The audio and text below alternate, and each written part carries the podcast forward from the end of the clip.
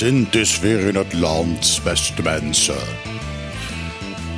Zojuist ben ik voor Trocadero langsgelopen waar eh, de vrienden van Op de Klippen alweer bezig zijn om hun programma voor te bereiden.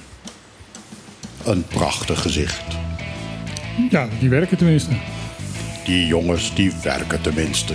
Dat is toch fijn om te zien op zo'n zaterdagmiddag. En eh, hier zijn ook niet zoveel van die kindertjes. Die kindertjes houden niet van politiek, maar die jongens van op de klippen wel. En die gaan het over politiek hebben. Er is een verkiezing. Niet nu natuurlijk, maar aanstaande donderdag. Daarom hebben ze van het kiescollege Jaap Rutger Kos uitgenodigd om ook te komen. En die gaat vertellen wat je wel dan wel niet zou moeten kiezen als je tenminste nog een beetje aan het zweven bent. Dat is wat ze gaan doen bij Op de Klippen in Trocadero.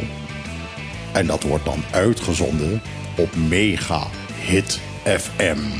En dat is op 101.1 megahertz. Jawel.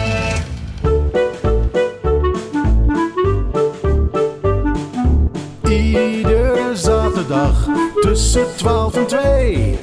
Live met Michiel en Martijn. Wat een feest! Dit is op de klippen. 901.1.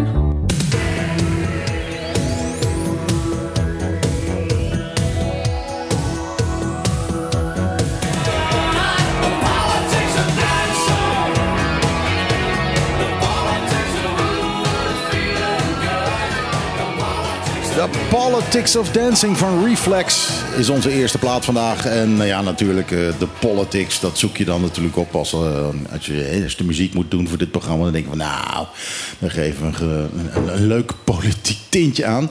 Eh, er zijn niet zoveel platen over verkiezingen eigenlijk. Het is, Nee, ik, ik, ik- geloof dat artiesten niet zo veel met politiek te maken, te maken willen hebben. nou Dus, ja, eh, ze doen nog wel eens een keer iets van everybody vote, dat soort dingen wel. Maar ik heb, ik heb dit en ik ben... ja, het is wel gebruikt in Amerika dat het, eh, dus eh, moeten opdraven bij alle mogelijke eh, politieke kandidaten om eh, daar ja, hun, hun kunstje te doen. dan wel verbieden om hun liedjes te laten draaien door politici die ze niet leuk Ja, vinden.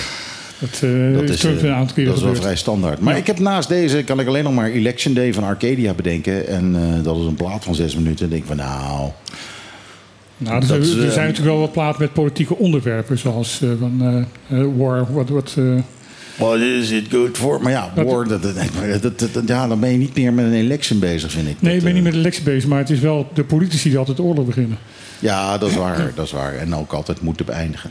Ja, Dat is zo. Maar goed, eh, we hebben dus een, eh, een, een, een hele aflevering die gaat over de verkiezingen. We hebben zelfs zometeen om half één hebben we Adje Kuiken aan de Ja. telefoon.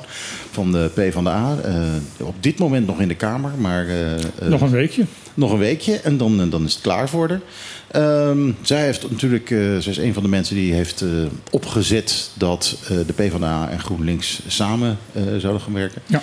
Ehm, en Toen heeft ze zelf de consequentie getrokken van... dan ben ik geen fractieleider meer. ja, doet een stapje achteruit. En dan ze doet niet eens een stapje achteruit. Het is een enorm stap. Want ze, ze, ze verlaat na 13 jaar de, de politiek. Ja, dus we gaan er zo meteen ook even 13 vragen jaar, wat, wat ze gaat doen. Ja, zoiets weet ik veel. Ze is begonnen als, wat is het, een, van de angels van de toenmalige... Ik, ik weet niet meer wie het was. Eh, Nou, als ze meeluistert, zal het ze ongetwijfeld straks ja, gaan vertellen. ja, ongetwijfeld. Eh, de ex-angel Adje Kuik hebben we zo meteen aan de telefoon. En we hebben aan tafel niemand minder dan Jaap Kos. Jaap Rutger Kos, zoals eh, de Sint hem net noemde. Ehm, Ik hoop wel dat ik cadeautjes krijg dit jaar hoor. Nou ja, wij vinden jou een cadeautje hier. Oh, nou. Hey, dat is een mooie, hè? Oh, dat is een hele Ik vind mooie. ook een cadeau dat ik hier kan zijn. Ik wil ook graag wat van me laten horen. De laatste keer dat ik hier was, was het een beetje rond de verkiezingen voor het kiescollege. En eh, nou, we zijn nu een halfjaartje verder. En dat is een goed- eh, goede tijd om eens even uit te leggen wat ik heb gedaan, wat het heeft opgeleverd.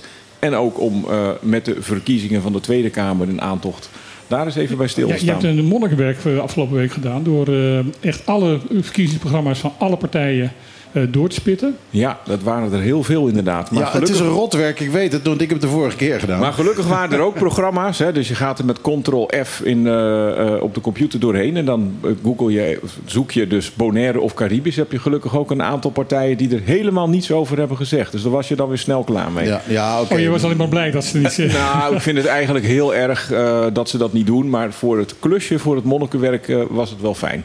En er zijn sommige partijen die er heel veel aandacht aan hebben besteed. Eh, niet alleen maar op een speciale pagina, maar ook helemaal ja, door eh, vrocht in, in, in allerlei andere stukken... waar er dan ook een uitstapje naar eh, Bonaire wordt gemaakt. Dat is wie, natuurlijk heel mooi. Wie, wie was de winnaar? Nou, de winnaar is Partij van de Arbeid GroenLinks. Dus dat is heel leuk dat we ook straks uit je, kuik, uit je kuiken hebben. Dus, maar dat gaat even puur, heb ik het nu niet over inhoud... maar over hoeveel en op hoeveel plekken eh, wordt er aandacht aan besteed. Ja, en zij hebben dat puur. absoluut gewonnen. Ja, Ja, wij, wij verdenken Adje ervan van dat zij het meeste daarvan dat ze uh, Caribische spul eh, geschreven heeft. ja, ja, en dan hebben we natuurlijk ook nog een andere winnaar. eh, of eigenlijk eh, zijn het er twee...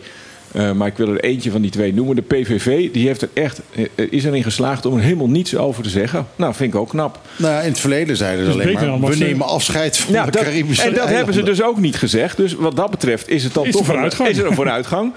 En dan wil ik er ook nog eentje noemen die samen met de PVV heeft gewonnen om er niets over te zeggen in het verkiezingsprogramma. Maar dat is even een, een, een, een, winnaar met een sterretje, of eigenlijk is het een verliezer natuurlijk. BVNL is een heel klein partijtje. eh, in de peilingen, nul of één zetel, hebben niets over Bonaire, of tenminste, ik heb niks over Bonaire kunnen vinden in hun verkiezingsprogramma. Maar als je hier rijdt op straat, zie je wel verkiezingsposters met allerlei leuzen als nou, 0% ABB op groente en fruit. En dan denk ik, ja, dat, dat is al zo. Maar leuk dat je dat nog een keer op een bord schrijft. Eh, maar ik wil, ik wil hun toch wel vermelden. Hè. Ik heb niet Even, de- even voor alle duidelijkheid. De groente en fruit heeft dus nu al nul eh, de, eh, ABB. ja, ja, precies. Dat is al zo bij je invoer. Dus, Dus, eh, eh, dus dit is ehm, een belofte die eh, gewoon... eh, ja. Ik denk dat ze hem hebben gekopieerd van de groente en fruit BTW, die discussie in Nederland. Maar we hebben hier op eerste levensbehoefte al 0% ABB. Ik kan niet garanderen dat alle groente en fruit erin zitten. Maar het, wat, het meeste wat gegeten wordt, eh, zal er ongetwijfeld in de zitten. meeste levensmiddelen Ja hoor, en eh, kijk, eh, eh, misschien zitten de frambozen er niet bij, maar eh, dat is een luxe goed. De boze aardbeien. Eh, en misschien ook wel, ik, heb, ik zou het moeten weten, want ik ben eigenlijk belastingadviseur eh, en fiscaal specialist. Maar eh, ja, ik, ik vond dat toch leuk. Zij hebben wel borden opgehangen. Verder heeft niemand hier borden opgehangen. Wat je wel ziet is dat ze online, eh, dat er ook wel specifieke acties zijn gericht op Caribisch Nederland. Bijvoorbeeld dat er partijen zijn die een stukje in het papiermens hebben. eh, eh, bijvoorbeeld de BBB heeft iets in het papiermens eh, gelanceerd. Nou, dat vind ik toch wel eh, ook eh, het, eh, de moeite waard. Dat is minstens zo goed als het ophangen van borden. Ja, dat betekent in ieder geval dat ze er wat tijd in gestoken hebben. Ja, ja. Wat ik ook interessant vind is, ik heb ook met veel mensen gesproken de afgelopen week. Joh, hoe, hoe moet ik nou aankijken tegen stemmen? Want ja, het is een beetje apart. Je hebt hier niet echt campagnes. hoe bepaal je nou wat je keuze is? En dan zeggen ze tegen mij, ja, wat moet ik stemmen? Ik zeg, nou, dat, dat, eh, als het, het kiescollegeverkiezing was, moest je op mij stemmen. Maar, maar ik sta niet verkiesbaar voor de Tweede Kamer. Ik ga ook niet zeggen wat je moet stemmen. Ik moet trouwens even onderbreken, Ja. want eh, niemand heeft iets gedaan. Ik moet het eh eer die de eer toekomt. Ja? De Piratenpartij heeft een re- reclamespotje. Nou, hoe had ik die nou kunnen missen? Omdat ik dus niet genoeg naar de radio luister. Ik- ik nou, zat- laten we die ook zat- vermelden dan. Ik zat toevallig laatst in de, in, de, in de auto en ik had Ja. eh MGTFM aan. Ja. En eh, toen was het nieuws en toen was het inderdaad een spotje van, eh, van de Piratenpartij. En hadden zij trouwens ook niet een bijeenkomst? Ja. Er was een, ja, Ja, ja. ja. dus dat hebben ze ook gedaan. Ja. Nou, fysieke hebben ze- aanwezigheid wint, eh, wint de Piratenpartij dus. Ja. Ja. Ja, Maar, maar, hebben ze gesproken. ja. We hebben ze ook gesproken, ja. Nou, nee, een goede aanvulling nog. Maar Nee, wat zeggen ze als een spotje dan? Ah, wij zijn de Piraten- Piratenpartij. Wat zeggen ze dan? Ehm, ik zou het even moeten opzoeken, maar eh, ze, ze zeggen van dat, ehm, dat ze eh, voor een basisinkomen voor, eh, voor heel Bonaire zijn. Ja. Ehm, en, en nog een aantal van dat soort eh, Ja. dingen waar de Piratenpartij van, van oudsher al heel lang mee bezig is trouwens. Ja. Nou ja, een basis, als je dan eh, het idee van basisinkomen zou willen testen, is het natuurlijk ideaal om dat hier te doen. ja. Nou, inderdaad. Mooie proeftuin. Ik krijg een eh, update van eh, de baas van eh MegaHitFM. Ah, de baas van MegaFM. Je bedoelt eh, de markies. Eh, de markies van MegaFM, eh Ronald Gijzen. Eventjes, eh, ik zie het op mijn telefoon, maar dat is in- nooit zo erg handig. Eh, waar sta je, waar sta je, waar sta je? Ja, hier zo. Ehm, de, de 14 politieke partijen hebben de afgelopen periode een spotje op de radio gehad. Eh, dat is door de overheid zo geregeld. Dus niet alleen de Piratenpartij. Ja. Oh, Ja. aha. Nou, dat is wel heel goed eh, dat de overheid dat doet. Ja, ik ben geen zelfs- regelmatige radioluisteraar. Ik kijk wel een beetje op social media Nou, en zegt- ik kijk op straat. Ja. Nou, nou, dit zegt, eh, klopt dat ook inderdaad, maar ook op tv. Eh, overheid in, de, in de kader van politieke partijen ja. Ehm, is, zijn de radiostations op Bonaire verplicht om dat te, te draaien. Ja, maar- en worden er ook voor betaald trouwens. Maar da- dan draaien ze verkiezingspotjes van partijen? Of Ja. draaien ze van u moet gaan stemmen Nee, van de Rijksdienst nee, nee. Nederland? Nee, alle politieke Ah. partijen, als ze dat willen, kunnen hier eh, eh, spotjes uitzenden. En 14 hebben dat ook En gedaan. 14 hebben dat ook gedaan. Ik weet alleen niet waarom, misschien als je nog meeluistert. eh, hebben ze echt speciale spotjes voor hier gemaakt? Of waren het gewoon de standaard spotjes vanuit Nederland? goed om ik, even- weet, ik weet, de Piratenpartij was echt specifiek voor hier. Ja, ja. Ja, het wordt een beetje zinloos natuurlijk als je spotjes gaat doen van... eh, eh, over eh, over eh, alle boeren in de, op de Veluwe. Maar kijk, ik rijd per dag ongeveer een half uur in de auto. En de helft van de tijd staat Meegeet FM aan. Dat is natuurlijk niet heel veel. Maar toch de afgelopen week is dat wel veel geweest. Ik heb er nog geen één gehoord. Maar goed, dus dan betalen ieder- ze dat niet. ligt ook aan mij. Maar eh, ja... eh, Iedere zender was verplicht, tenminste dat was de vorige keer Ja. de verkiezingen zo. hebben Toen, had ik nog een tv-zender, dus toen moest Ja. ik ook meedoen. Ehm, eh, iedere eh, zender is verplicht om minstens elk spotje twee keer te draaien. in, in al die weken, zeg Ja. maar. Ja, oké. daarom heb ik hem niet gehoord. Maar ja, goed, heb ik eh, hem net gemist. Ja. er, eh, ja, het werd wel betaald. Nou ja, dat is wel goed. Ja, ja. Ja, we, we like money. Nee, maar eh, ja, er zijn heel veel manieren hoe je kan kijken wat je gaat stemmen. Je, je kunt bijvoorbeeld kijken naar wat is principieel de partij die dichtst bij me staat. Nou, dan, dan, dan, dan ga je even niet kijken naar is het Caribisch georiënteerd of niet.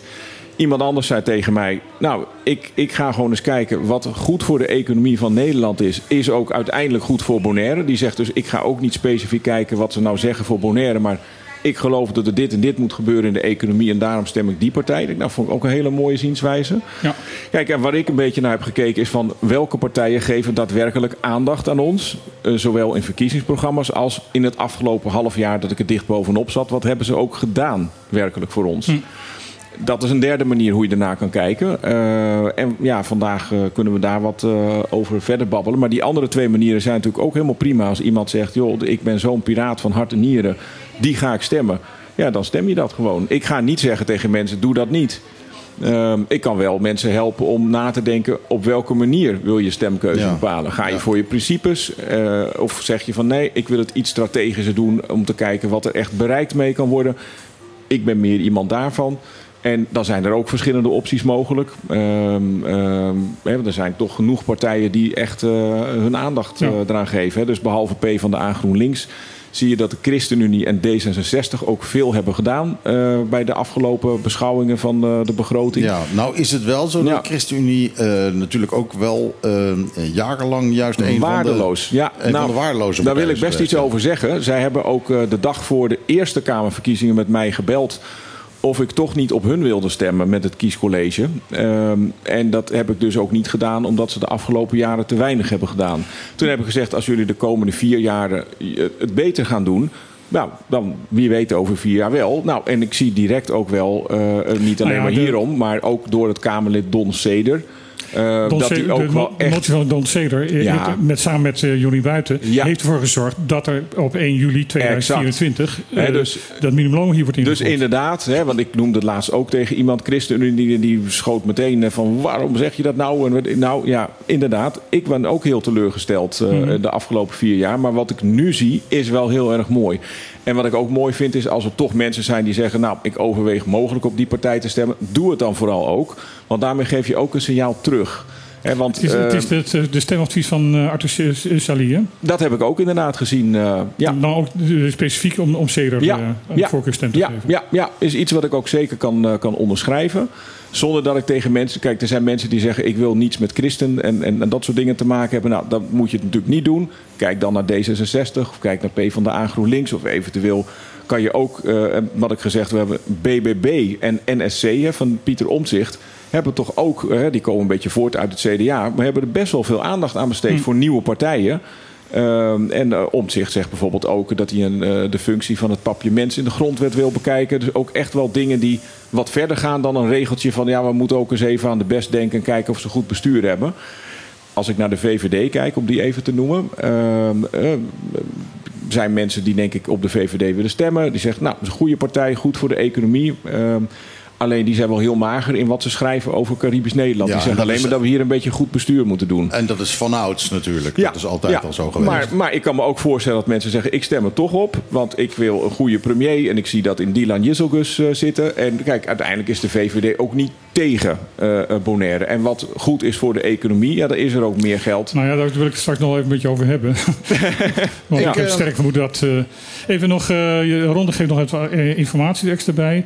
Ehm, de- volgens hem zijn de meeste spotjes eh, vanuit Nederland gebruikt. Ze werden alleen tussen 12 en 2 in de middag eh, die spotjes gedraaid. Ja. Dus dat. Eh, dat is duidelijk. En daarnaast zijn er heel veel eh, algemene spotjes uitgezonden... waar mensen worden opgeroepen om te gaan stemmen... en vooral eh, ook hoe het stemproces in elkaar zit. En die zijn meerdere keer per dag Ja, die, uitgezonden. die heb ik inderdaad wel ook opgevangen. Ja. Alleen denk- ja, vind ik ook heel goed. Maar dat is natuurlijk niet toe te schrijven aan de politieke partijen. Ik eh, ga een plaatje Ja. draaien. En daarna denk ik dat het tijd is eh, om... Ondertussen eh, ga ik dan Adje bellen. Kuiken te gaan Ja. bellen. Ja, oké. Ik heb hier de nieuwe single van niemand minder dan Dua Lipa. En hij heet Houdini. Ja, we hebben natuurlijk een beetje over gegogel in de politiek. Nou, hier hebben we Houdini.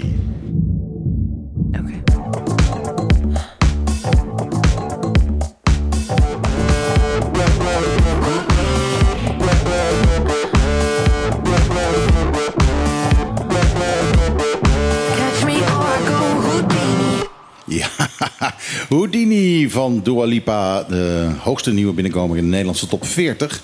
En Martijn zegt net tijdens... eh, eh, tijdens de muziek eh, dat hij eh Dua Lipa helemaal heeft ontdekt. En, Ja, ik, ik, bedoel, ik, ik ken de naam wel en ik had wel eens wat gehoord, maar ik had er eigenlijk nog nooit zo in verdiept. Ehm, ik zat laatst een film te kijken, Ghosted. En het laatste nummer op de- die film is van, van Dua Lipa. En ik denk van, is dit is een verdomd goed nummer. ja, dat ik. En toen ben ik verder gaan luisteren. Ze, maakt echt mooie, mooie muziek. Eh, of tenminste, het is aansprekende muziek. En eh, echt eh, hier en daar echt verrekt goede teksten. Ja, ja het, eh, het kan dus blijkbaar nog. Aan de telefoon hebben we Adje Kuiken, die heeft een jonge dochter. Heb jij veel Dua Lipa in, in huis of niet? Geen idee. Ik zit niet op haar Spotify. Goedemiddag. Hallo. Eh, ja, bijna goede avond, maar voor jou is het ook nog net goedemiddag. Want jij zit natuurlijk gewoon in Nederland. Eh, Ja, en je hoort eh, misschien nog wat omgevingslawaai, want ik sta buiten en het is hier druilerig, vies en nat. Dus ik mis eh Douchy Bonaire wel, moet ik zeggen. Nou, straks heb je tijd om hier naartoe te komen. Ja, precies. Ja, vanaf volgende week. Ik, ik weet niet of, of en wanneer je het gepland hebt, maar op dit moment hebben we nog een beetje last van een eh coral eh, bleaching.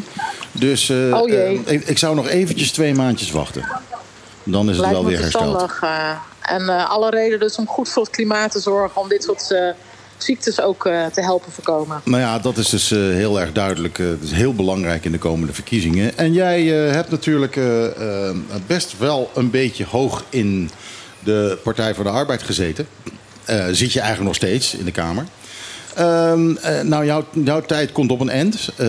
Na de verkiezingen ben jij weg. Wat ga je doen? Dat weet ik nog niet. eh. Dus dat eh, gaan, we, gaan we zien. Maar vast iets dicht bij een eh, politiek of maatschappelijk betrokken organisatie. Want het kruipt toch altijd waar het niet gaan kan. Maar ik vond het inderdaad na 16, 17 jaar in de Tweede Kamer een goed moment om het stokje over te dragen aan mijn nieuwe collega's. En we hebben een fantastisch team staan van GroenLinks en Partij van Arbeid. Dus dat doe ik ook vol vertrouwen. Ja, en het wordt dat- heel spannend bij ons in Nederland. Heb je het een beetje gevolgd? Ja, natuurlijk hebben we het een beetje gevolgd. En we hebben hier eh, ook aan de tafel Jaap Kos, die eh, eh, in het kiescollege zit voor ons. Ehm, eh, en die heeft net al in het programma, ik weet niet of je, of je hebt, had zitten meeluisteren, maar blijkbaar niet als je buiten Nee, in sorry, de, in de helaas. druilige Nee, regen sorry, staat. sorry, sorry. Ja. Maar die was er tot de conclusie gekomen dat de PvdA eh verreweg het PvdA meeste... GroenLinks. Ah, Ja. Sorry, PvdA GroenLinks. Ik, ik moet er nog even aan wennen, ik ben een oude lul.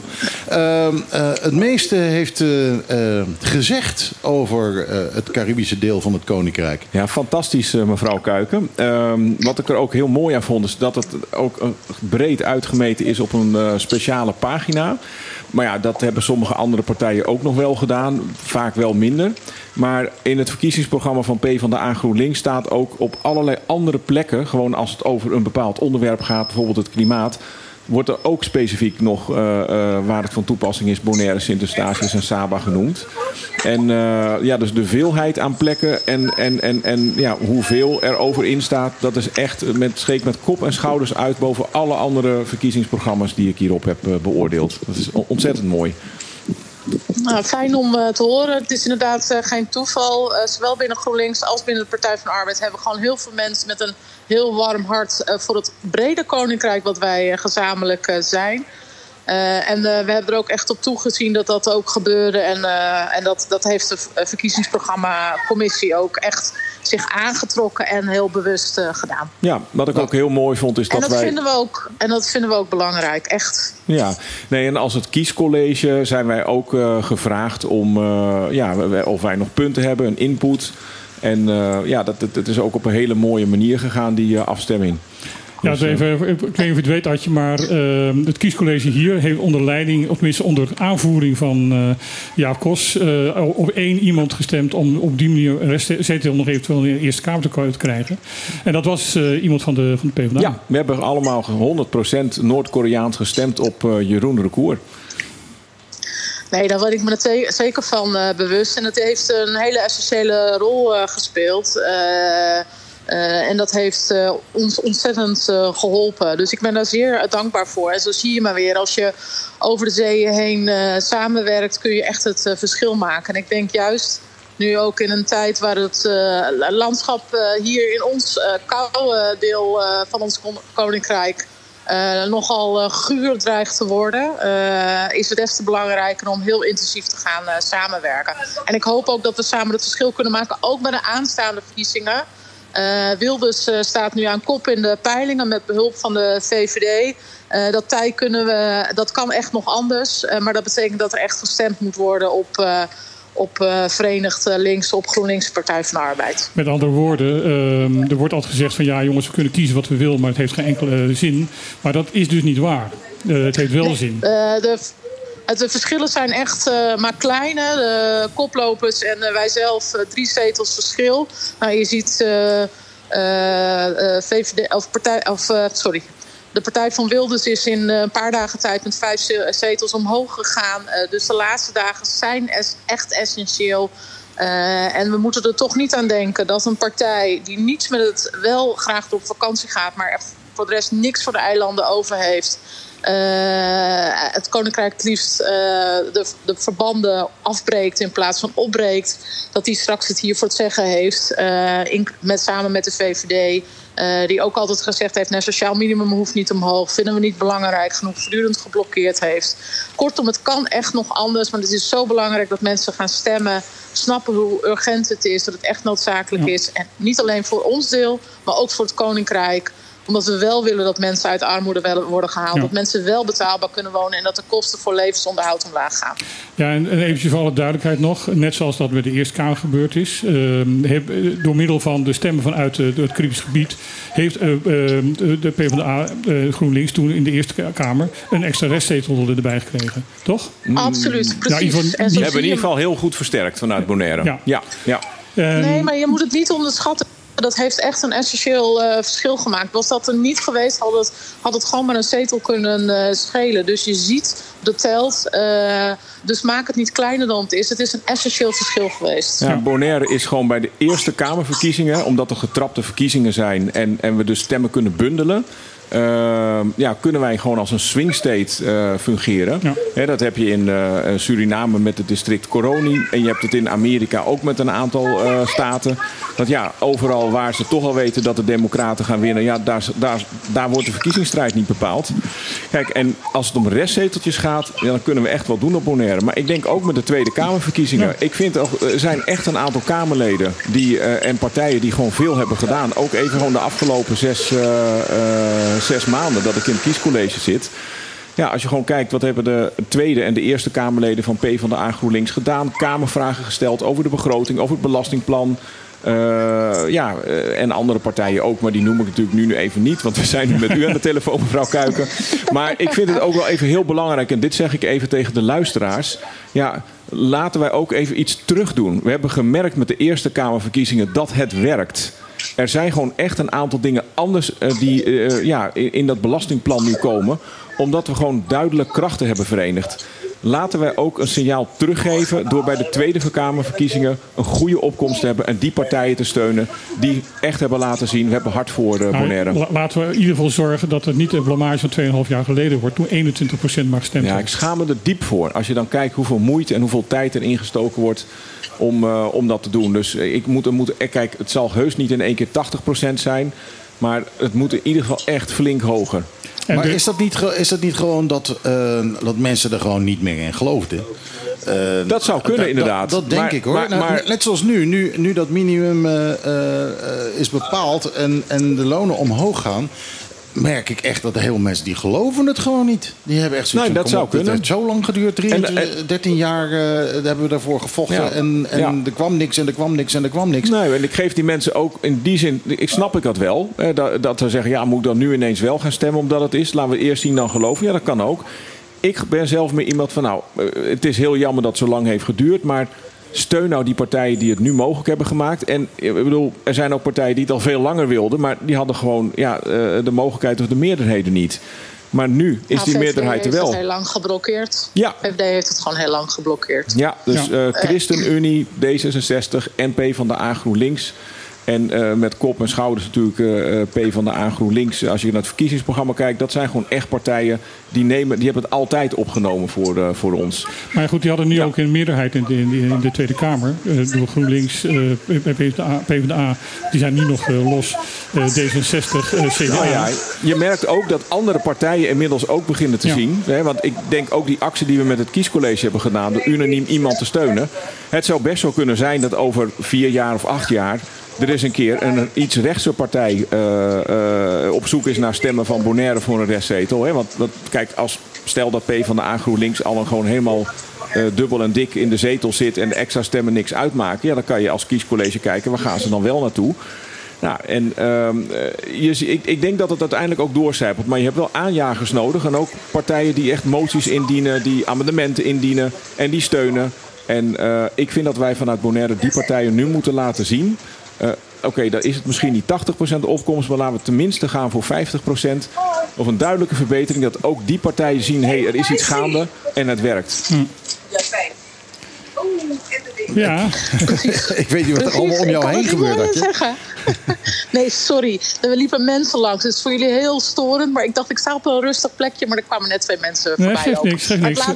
maar dat laat in ieder geval zien. eh, we zijn gewoon nog op campagnepad. Ik was Ja. eh, vandaag in Dordrecht. Ik ben nu in een andere eh, plaats. Dus ook ik, ook al vertrek ik uit de Kamer... ben nog druk bezig om iedereen te mobiliseren... om vooral te gaan stemmen. Dan ga je op de straat staan om te bellen en dan komen mensen langs. Oh, dat is Adje Kuiken, zie je, dat is Adje Kuiken. Oh, die ken ik van de televisie. Ik had nog een vraag aan u, mevrouw Kuiken. Want, want eh, we hebben heel lang altijd geroepen. Je mag er Atje noemen. Wij, wij noemen er Atje, jij mag er ook Atje noemen. Ja? Nou, Adje, ehm, we hebben heel lang natuurlijk gezegd... sociaal minimum, sociaal minimum. Nou, dat begint zich echt af te tekenen... en er wordt ook echt een eerste stap daadwerkelijk gezet. 1 juli 2024. Wat zijn nou volgens u nog een aantal kernpunten...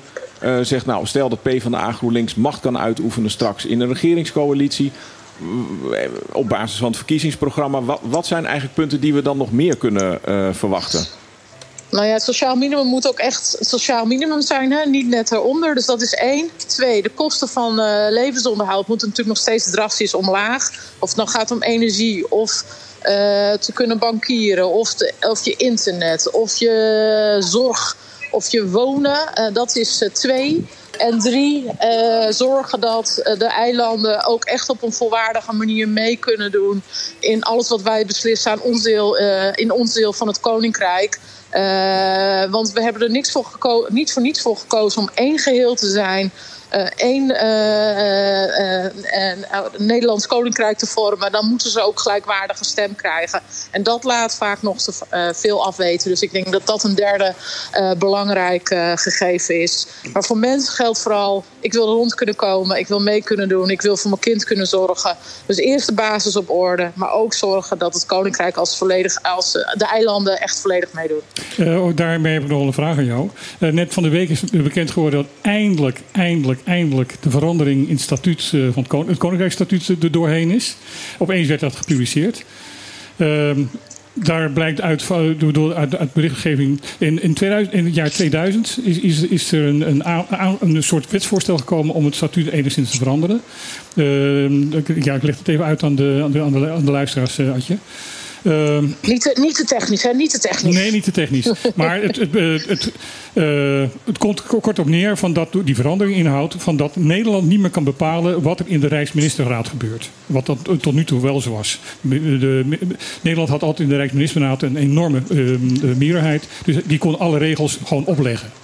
En dat is dus nu eh, veranderd. In 2000 is dat al eh, een voorstel geweest. In 2016 is dat eindelijk eens een keer in de Tweede Kamer behandeld en in de Eerste Kamer en goedgekeurd. En nu pas afgelopen week is het gepubliceerd in de Staatscourant. En vraag was? En eh, het bizarre is, dat, dat vind ik nou een hele bijzo- bijzondere. eh, die vertraging van 2016 tot aan nu komt door Aruba. Dat is heel bizar. Dat is heel bizar. Dan zouden we Aruba ook moeten gaan inbellen in deze uitzending. Ja. Maar waarom hebben ze dat gedaan? Ja. Nou, ehm, waarom ze het nu hebben gedaan, snap ik wel. Ik bedoel, eh, wat er, eh, het is een veranderingsstatuut, dus ook de parlementen van de drie andere eh, landen moeten daarmee instemmen. Ja.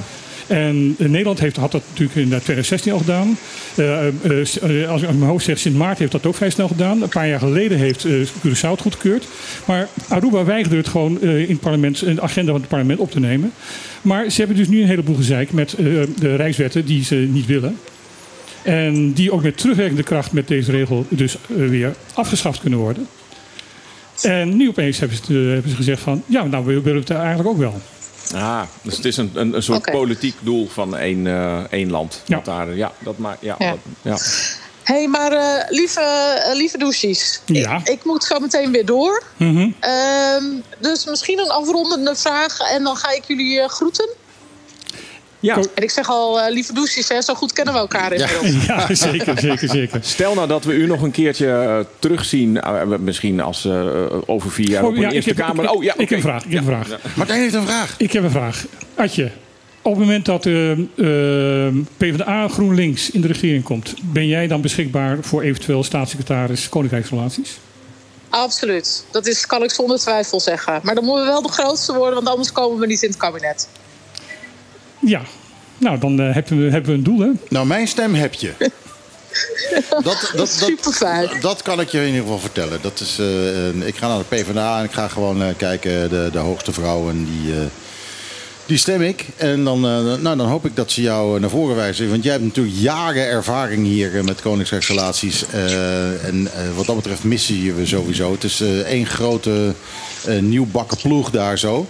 Dus Ja. ja, nou, dus ja eh, die moeten allemaal nog weer wat leren. Dus het is wel fijn als we iemand hebben die, eh, die erbij is. En ik moet eerlijk zeggen dat Van Huffelen het ook erg goed gedaan heeft. eh, eh, uiteindelijk. Zeker. Uiteindelijk. Ja, eh, en- zeker. In het, begin Ja. dachten we, in het begin dachten we van nou, die, eh, die staat alleen maar met een potje pindakaas te zwaaien. Maar uiteindelijk is het toch nog wat geworden. En- maar ja, jij, jij, was ook, eh, jij was ook een van de angels van de PvdA, toch in het begin? Ze- Zeker, maar daar, daar herinneren we ons niet meer aan. Dus, eh. hey, maar eh, volgens mij eh, was de andere vraag nog: kom je binnenkort terug en wil je dan even afspreken? Absoluut, laten we het doen. Want we moeten echt de krachten bundelen. We hebben wat te doen, we hebben een opdracht. Eh, we moeten het Koninkrijk goed op de kaart blijven zetten en zorgen dat het gewoon beter gaat voor de inwoners. Dus ik hoop jullie snel te zien. Heel goed. Nog één tipje. Eh, kijk nog eventjes goed naar het sociale vangnet eh, hier zo. Want de AOV, daar kun je nog steeds iets van leven. Dus dat, Ja. moet, dat moet ook omhoog. Ehm, eh, maar dat hebben is nog wat te doen. Maar dat is alles. Ga jij nog eventjes een beetje campagne voeren. En zorg even dat we winnen. En dan, ja, dan eh, hoop ik je eh, gauw te, weer te spreken. En misschien zelfs wel live. En eh, dan eh, heel veel succes met, Helemaal eh, met goed. de campagne nog eh, de komende week. Dankjewel, tot Oké. snel. Doei doei. Ajootje.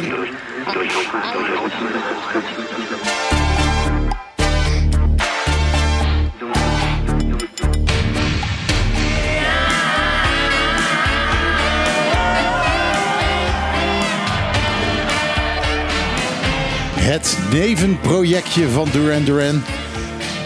Arcadia met Election Day. Eh, ja, ik had er net al gewaarschuwd voordat ik die eigenlijk wel moest draaien.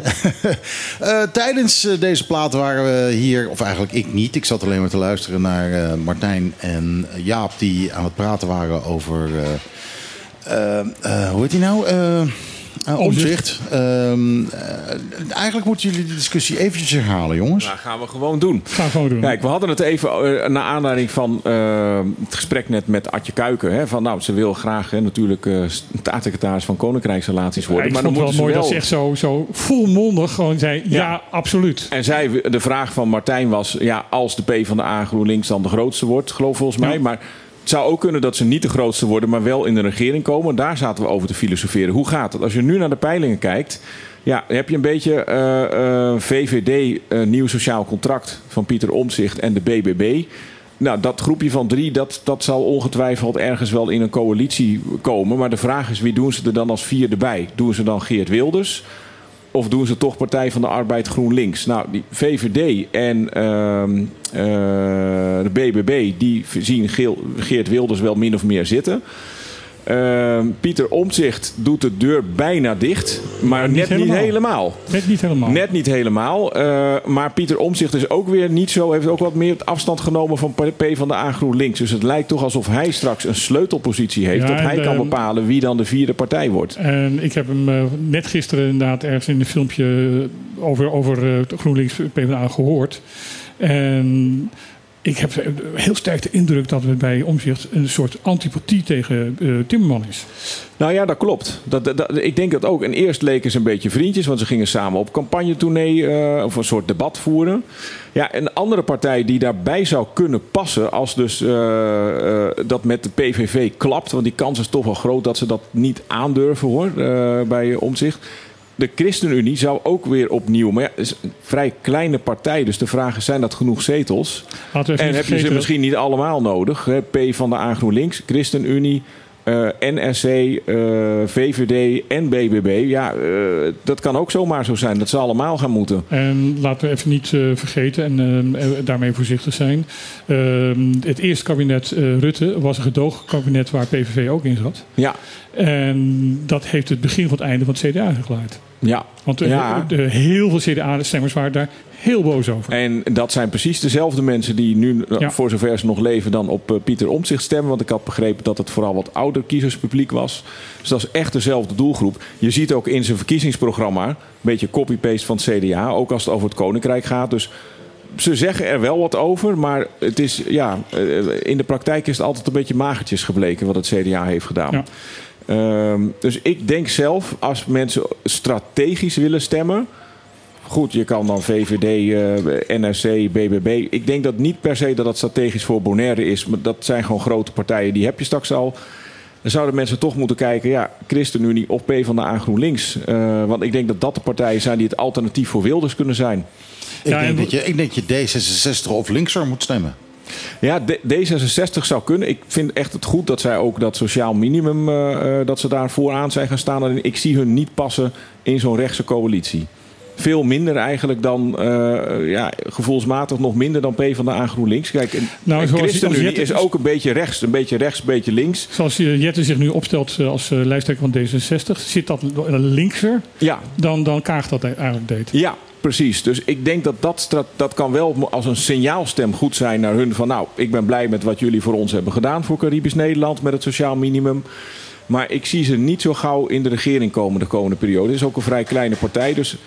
Eh, nogmaals, als mensen het willen, prima. Er zijn heel goede redenen voor. Ik kijk even vanuit strategie. Eh, en dan denk ik toch dat je een beetje bij die twee partijen uit moet komen. Het heel, heel goed, goed kan zelfs dat eh, D66 gewoon weigert om in een regering te Ja, zitten. want dat gaan ze niet ze, doen. ze vallen waarschijnlijk terug van 17 zetels Nee, nu dat- dat- naar eh, 9 à 7 zetels. Ja, Wow. ja, ja. En ja. die, die moeten hun wonden likken gewoon. Ja, nee, dan kunnen ze dus. eh, ja, ja. Het- soms de- lijkt het wel eens alsof Timmer Frans. eh, ik luister de podcast De Spindokters, kan ik iedereen aanraden. En dan noemen ze hem Timmer Frans. Ehm, ja, dat, ik, ik denk dat hij ietsje rechtser is dan D66. eh, maar misschien ook ja, wat makkelijker, toegevelijker, wat, wat, wat wendbaarder, om het zo maar te zeggen. Het is een, Ja, eh, je kan van Timmermans zeggen wat je wil, maar hij is een raspoliticus. En dat kan je positief en dat kan je negatief eh, ja ik, denk, ik denk dat dat in dit geval wel positief is. Want daarmee kan het zo zijn dat ze kunnen toetreden.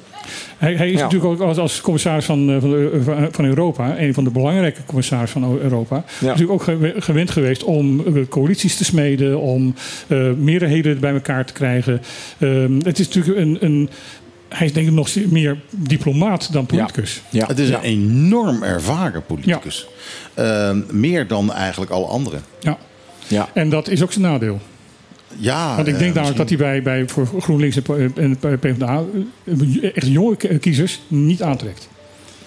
En ik denk ook dat als hij in een regering zou gaan zitten, ehm, dat ze daarna worden afgestraft met al die rechtse partijen. En dan Ja. moeten ze ook waterige komen. Het wordt toch een beetje een soort rechtse regering. Dus ja, de vraag is ook of, of die dat dan wel willen. Eh, maar kijk, stel Nou ja, dat, je dat- ster- als ja. je dat echt niet wil, bedoel, eh, iedereen eh, moet, moet natuurlijk kiezen wat hij, wat hij wil kiezen. Als je echt niet wil dat er een rechtse regering komt, een rechtse. ehm, eh, en je kan afvragen of een rechtse regering goed is voor, voor, eh, voor, voor Bonaire. Ik denk het niet. Ja. Eh, maar dat is mijn persoonlijke mening. Ehm, maar wil je voorkomen dat dat PvdA, GroenLinks, niet voldoende gezag gaat krijgen binnen een regering, dan moet je zorgen dat ze te groot Ja, worden. ja. Waar ik zelf overigens wel moeite mee heb, gewoon persoonlijk zeg ik dat. En ik, ik word daar ook wel eens op aangesproken door kiezers. Dat zijn dan kiezers die ook wat rechts van het midden zijn. Ik zit zelf ook echt wel rechts van het midden. Mhm. Eh, en die zeggen, ja, waarom nou zo P van de A? En dan heb je het weer over dit en dat. Ik Zeg, nee, maar ik, ik voel dat ook aan. Ik zit, ik, ik, op zich vind ik een beetje rechts prima. Alleen de vraag is, ja, wat heb je eraan eh, voor Bonaire? En, en, en dat is toch wel... Ja, eh, dan kom je tot de conclusie dat dat, je- dat echt links zo moet, stemmen hier. Nou ja, heb ik dus ook gedaan. Eh, ja, het is heel apart, want ik had nooit gedacht dat ik op P van de A GroenLinks zou stemmen met het kiescollege. Ik zeg wel eerlijk, ik ga ze niet stemmen voor de Tweede Kamer. Kijk, met het kiescollege heb ik gedacht, we moeten unaniem zijn. En dan gaat het over strategisch en Mag, mag ik restzetelverdelingen. doen eh, dat, dat jij uh, ChristenUnie gaat stemmen? Ik ben er ook daar nog niet over uit. Oké. Want de vraag is dan, vind ik ze eigenlijk wel eh, ehm, nou ja, eh, eh, rechts genoeg voor mij? Kijk, ik kan in ieder geval zeggen, ik ga niet op Pieter Omzicht stemmen, niet op de BBB, niet op de VVD, niet op BVNL en niet op Forum. Nee. Nee, ook niet op die. En eh, heb ik er nou eentje gedoe, maar nee. Dus eh, ik twijfel nog. Maar de vraag is meer, moet je op een... een, een- ik wil ook niet op een te kleine partij stemmen. En er zijn andere partijen nog. er zijn nog andere partijen die nog kleiner zijn dan de ChristenUnie, waar ik ook eh, eh, wel wat eh, sympathie voor heb. Maar dan ga ik weer helemaal weg van de strategie. Dus ik denk, ik denk waarschijnlijk toch dat ChristenUnie gaat worden. Ja, en ik moet ook zeggen. De, ehm, ik, ik ben de afgelopen weken druk bezig geweest met de Eerste Kamer. Er ligt nu het Belastingplan 2024 voor Caribisch Nederland. Ehm, daar wilde ik graag een aantal vragen op stellen, omdat er een paar dingen niet helemaal goed gaan. Er zijn natuurlijk een paar goede resultaten geboekt door de lobby die we uit het hele eiland hebben gedaan, ook het kiescollege. De belasting voor ondernemers met een BV gaat niet van 5 naar 10 procent. De belasting voor hotels wordt niet verhoogd. Eh, maar er zijn een tweetal maatregelen die wel nog in het belastingplan staan. En ja, dat zijn nou net maatregelen waarvan ik denk, nou, dat kan eigenlijk kleine ondernemers of middelgrote ondernemers ook treffen. En ook kleine ondernemers die misschien wel op de armoedegrens zijn en best een BV kunnen hebben. Kijk, in Nederland zijn mensen met een BV over het algemeen niet onder de armoedegrens. Hier wel. Hier heb je gewoon je schoon. de- Degene die bij mij schoonmaakt is een BV. Met één of twee werknemers. Ja, ik zat wat sommetjes te maken. Ik denk, en, en, ik keek naar het Nibud van voorbeeldbegrotingen. Ik denk, nou, die zitten zo'n beetje rond dat bestaansminimum. En er zijn twee maatregelen in het belastingplan. Die, eh, waarvan er eentje gewoon ook die groep eronder duwt. Nou, ChristenUnie heeft daar vragen over gesteld. Die ik mocht eh, eh, suggereren. Partij van de Arbeid GroenLinks heeft dat ook gedaan. En iets anders is, dat zit meer voor de middelgrote en de grotere ondernemers die hier lokaal wonen en ook veel investeren en voor veel werkgelegenheid zorgen. Ja, ehm, daar willen ze ook iets aan doen. Eh, ik ga er even nu niet op in. Dat heeft iets te maken met de holdings. En klinkt heel vaag, maar dat is ook gewoon alle lokale ondernemers hier die dat hebben. En daar was eigenlijk bijna niemand bereid om er een vraag over te stellen. Want dat is een, een gemene bepaling die gewoon veel mensen gaat raken hier. Weinig mensen misschien eh, eh, direct. Maar indirect en op lange termijn is dit heel slecht voor het vestigingsklimaat van Bonaire. En daar was uiteindelijk maar één partij die dat wel wilde doen. En dat was eh, de ChristenUnie. Want P van de A GroenLinks, dan moet ik dan weer even het klein trapje. Ja, die vonden het dan toch wat minder goed passen bij hun profiel. En dat snap ik heel goed. Maar ik dacht van ja, we hebben wel 100% vanuit het kiescollege gestemd. En eh, daar zitten ook rechtse kiezers tussen. Ja. En ik vind toch, als je voor 100% voor één partij gaat... en je gaat een aantal technische vragen stellen... er is niemand in de Nederlandse pers die zou zeggen... oh, wat erg, ze hebben een vraag over de holdings gesteld... Ik was daar enigszins teleurgesteld in, maar ik snap hem ook weer heel goed hoor. Dus ik heb er wel respect voor. Maar daar wou ik er wel even over zeggen dat, ja, dat toch wel partijen. dat het soms lastig is als puntje bij paaltje komt. en dingen niet tot de verbeelding spreken. En je ziet een staatssecretaris willen iets gemeens doen. wat echt slecht is voor het vestigingsklimaat. Wie komt dan nog voor je op? Dat is slechts een enkeling. Ja.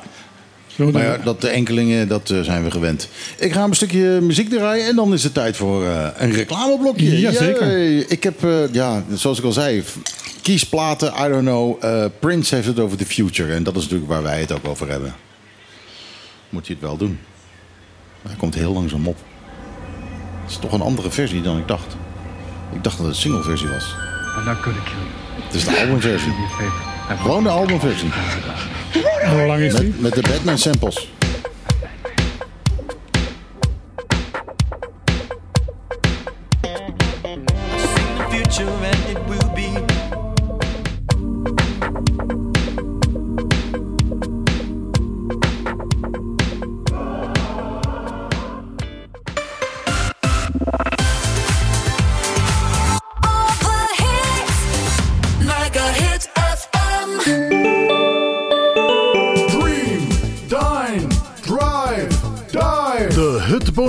Een klein intiem resort met een no-nonsense vibe. Op loopafstand van Centrum Kralendijk aan de Kaya Dialma 11.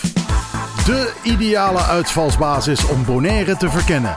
Kijk voor meer info op de socials of op thehutbonaire.com. Dream, dine, drive, dive. The Hut Bonaire. Debatteren, dat is het met elkaar oneens zijn. Staan voor je mening. Maar respect hebben voor elkaar en samen zoeken naar de waarheid. Zaken die onverbrekelijk verbonden zijn met het fenomeen dat wij democratie noemen. Maar die democratie moet beschermd worden. Vrijheid komt niet vanzelf. Daarom is voor de Partido Democratico Bonaireano de onafhankelijkheid van de pers heel belangrijk.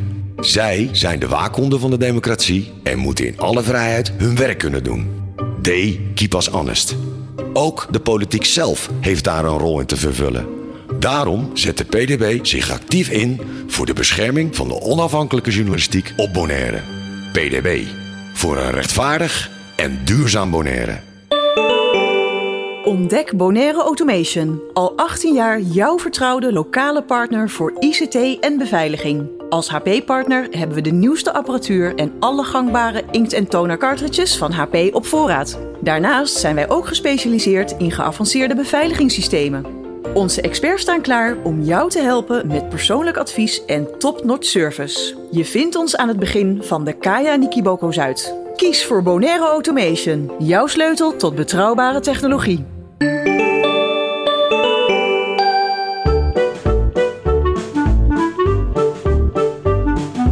Iedere zaterdag tussen 12 en 2. Met Michiel en Martijn. Wat een feest! Dit is Ik hoor daar, eh, wat een feest! En dat is eh, nog eh, over van, Van de oude versie. ja, van Sandy Kandau, die dat heeft, heeft inge- ingesproken. En die is momenteel op het eiland. En vandaag zit hij op zo'n zo'n zo'n op zo'n elektrisch karretje. Dus ehm, pas op als je de weg op gaat. Sandy Kandau is Ja. op de weg. Ik heb nog even een vraag aan de, aan de luisteraars. Als wij hier, we, we lopen hier dingen te roepen, een heleboel dingen te zeggen en heel veel meningen te. Als je nou totaal daar niet mee eens bent, eh, kom gewoon even naar Trocadero. Er Ja. staat een microfoon klaar. Het En, gebeurt eh, hier in Trocadero. Ehm, altijd staat er een microfoon klaar voor mensen die eromheen zitten en die eh, iets te melden hebben ehm, of Ja. tegen ons in willen gaan. Dat vinden Ja. we leuk als je tegen ons ingaat. Misschien een PVV'er die zegt... Het is niet waar. PVV is hartstikke voor sociaal minimum in Bonaire. En die hebben 30 pagina's voor Nou ja, of, van de PVV is er tegen en ik ook. Dat kan Ja, natuurlijk kan ook. Kan ook. Dus, eh, nee, maar eh, misschien moeten we zeggen van, kom absoluut niet. Het is absoluut verboden. Misschien dat er dan misschien wel iemand komt. Zou dat het zijn? We hebben geen microfoon voor je klaarstaan. Eh nee, we zijn ik, compleet in paniek als je komt. ik, sprak, ik sprak gisteren, dat was de eerste keer dat ik er een in het wild tegenkwam. Eh, iemand die zei van ja, ik denk dat ik voor en voor democratie ga stemmen. En dat was notabene een, eh, een vrouw. En dan denk ik van, waarom ga je voor en voor democratie stemmen? En want eh, hè, die willen eigenlijk alleen maar dat die vrouwen terug naar het eh, aanrecht gaan... en dat ze, als het even kan, eh, eh, allemaal boreale kindertjes gaan werpen. Ja, en die was ook erg voor Rusland, geloof ik. Dus Ja, misschien ook- worden we dan een overzees gebiedsdeel van Rusland. Maar, eh, eh, Maar ja, goed, dat- Of je het wil of niet. De Staten, als je ziet wat er in de Verenigde Staten gebeurt, dan is de Verenigde Staten in feite dat al. Ja. En ze zei van ja, ze brengen het eigenlijk niet zo, eh, niet zo handig. Maar eh, ik vind wel dat ze allemaal goede dingen zeggen. En dan denk ik, hè, wat?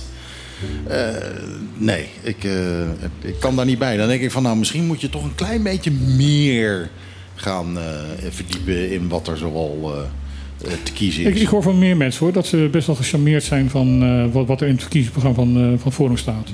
Van ja, dit zijn toch wel goede ideeën, dat is toch wel wat er, wat er zou moeten gebeuren. Eh, wel mensen die inderdaad dan zeggen van ja, nou ja, wat ze er uiteindelijk mee doen. Ik, bedoel, ik, ik, ik ken iemand die, eh, die heeft vorige keer op Forum gestemd. Is nu zeer teleurgesteld over dat alles wat er in het verkiezingsprogramma stond niet eh, eh, door Forum is doorgevoerd. Maar dat ze alleen maar hun eigen eh, eh, ja, stokpaardjes zijn gaan bereiden. Ja. Eh, dat hoor ik van, van meer mensen die, die eh, uite- uiteindelijk eh, vorige keer voor me hebben gestemd. En diegene die ik gesproken heb, die zegt van ja, ik ga dat nu ook niet meer doen. Want ik vertrouw ze gewoon niet meer. Dus ze kunnen allemaal leuke dingen vertellen en zeggen want dat dit moet gebeuren, dat moet gebeuren. Maar ik hoor van heel veel mensen die voor stemmen. Ja, maar dan gebeurt er tenminste iets. Ja, nou, dan gebeurt helemaal niks. En, en, en je stemt voor een mafketel die tegen de internationale pers loopt te vertellen dat, eh, dat al onze politici lizard people zijn. Ja, met en een die ook in geen enkele regeringscoalitie gegarandeerd gaat komen. Eh, dus het, ja, ehm, het heeft echt geen zin. Maar goed, als Nou, iemand, als iemand, ik kan nog als mens in plaats van niet stemmen of wel. Uiteindelijk kunnen mensen ook natuurlijk gewoon ergens op stemmen wat ze willen. En eh, ja, de meningen kunnen wel eenmaal heel verdeeld zijn. Dus anders heb je ik dat die mensen helemaal niet gaan stemmen misschien. Dat is ook niet goed. Kijk, ik heb jarenlang eh, eh, op, een partij, op partijen gestemd waarvan ik van tevoren wist dat ze niet in de regering kwamen. Omdat ik ook wil dat er een goede eh, oppositie is. Nou ja, daar, kan, je- ook. Daar, daar kan je voor kiezen. Nee, maar dat is ook een hele. Dat, dat, is, eh, dat is prima. Een goede oppositie. Alleen ja, eh, FVD is ook niet echt oppositie aan het voeren.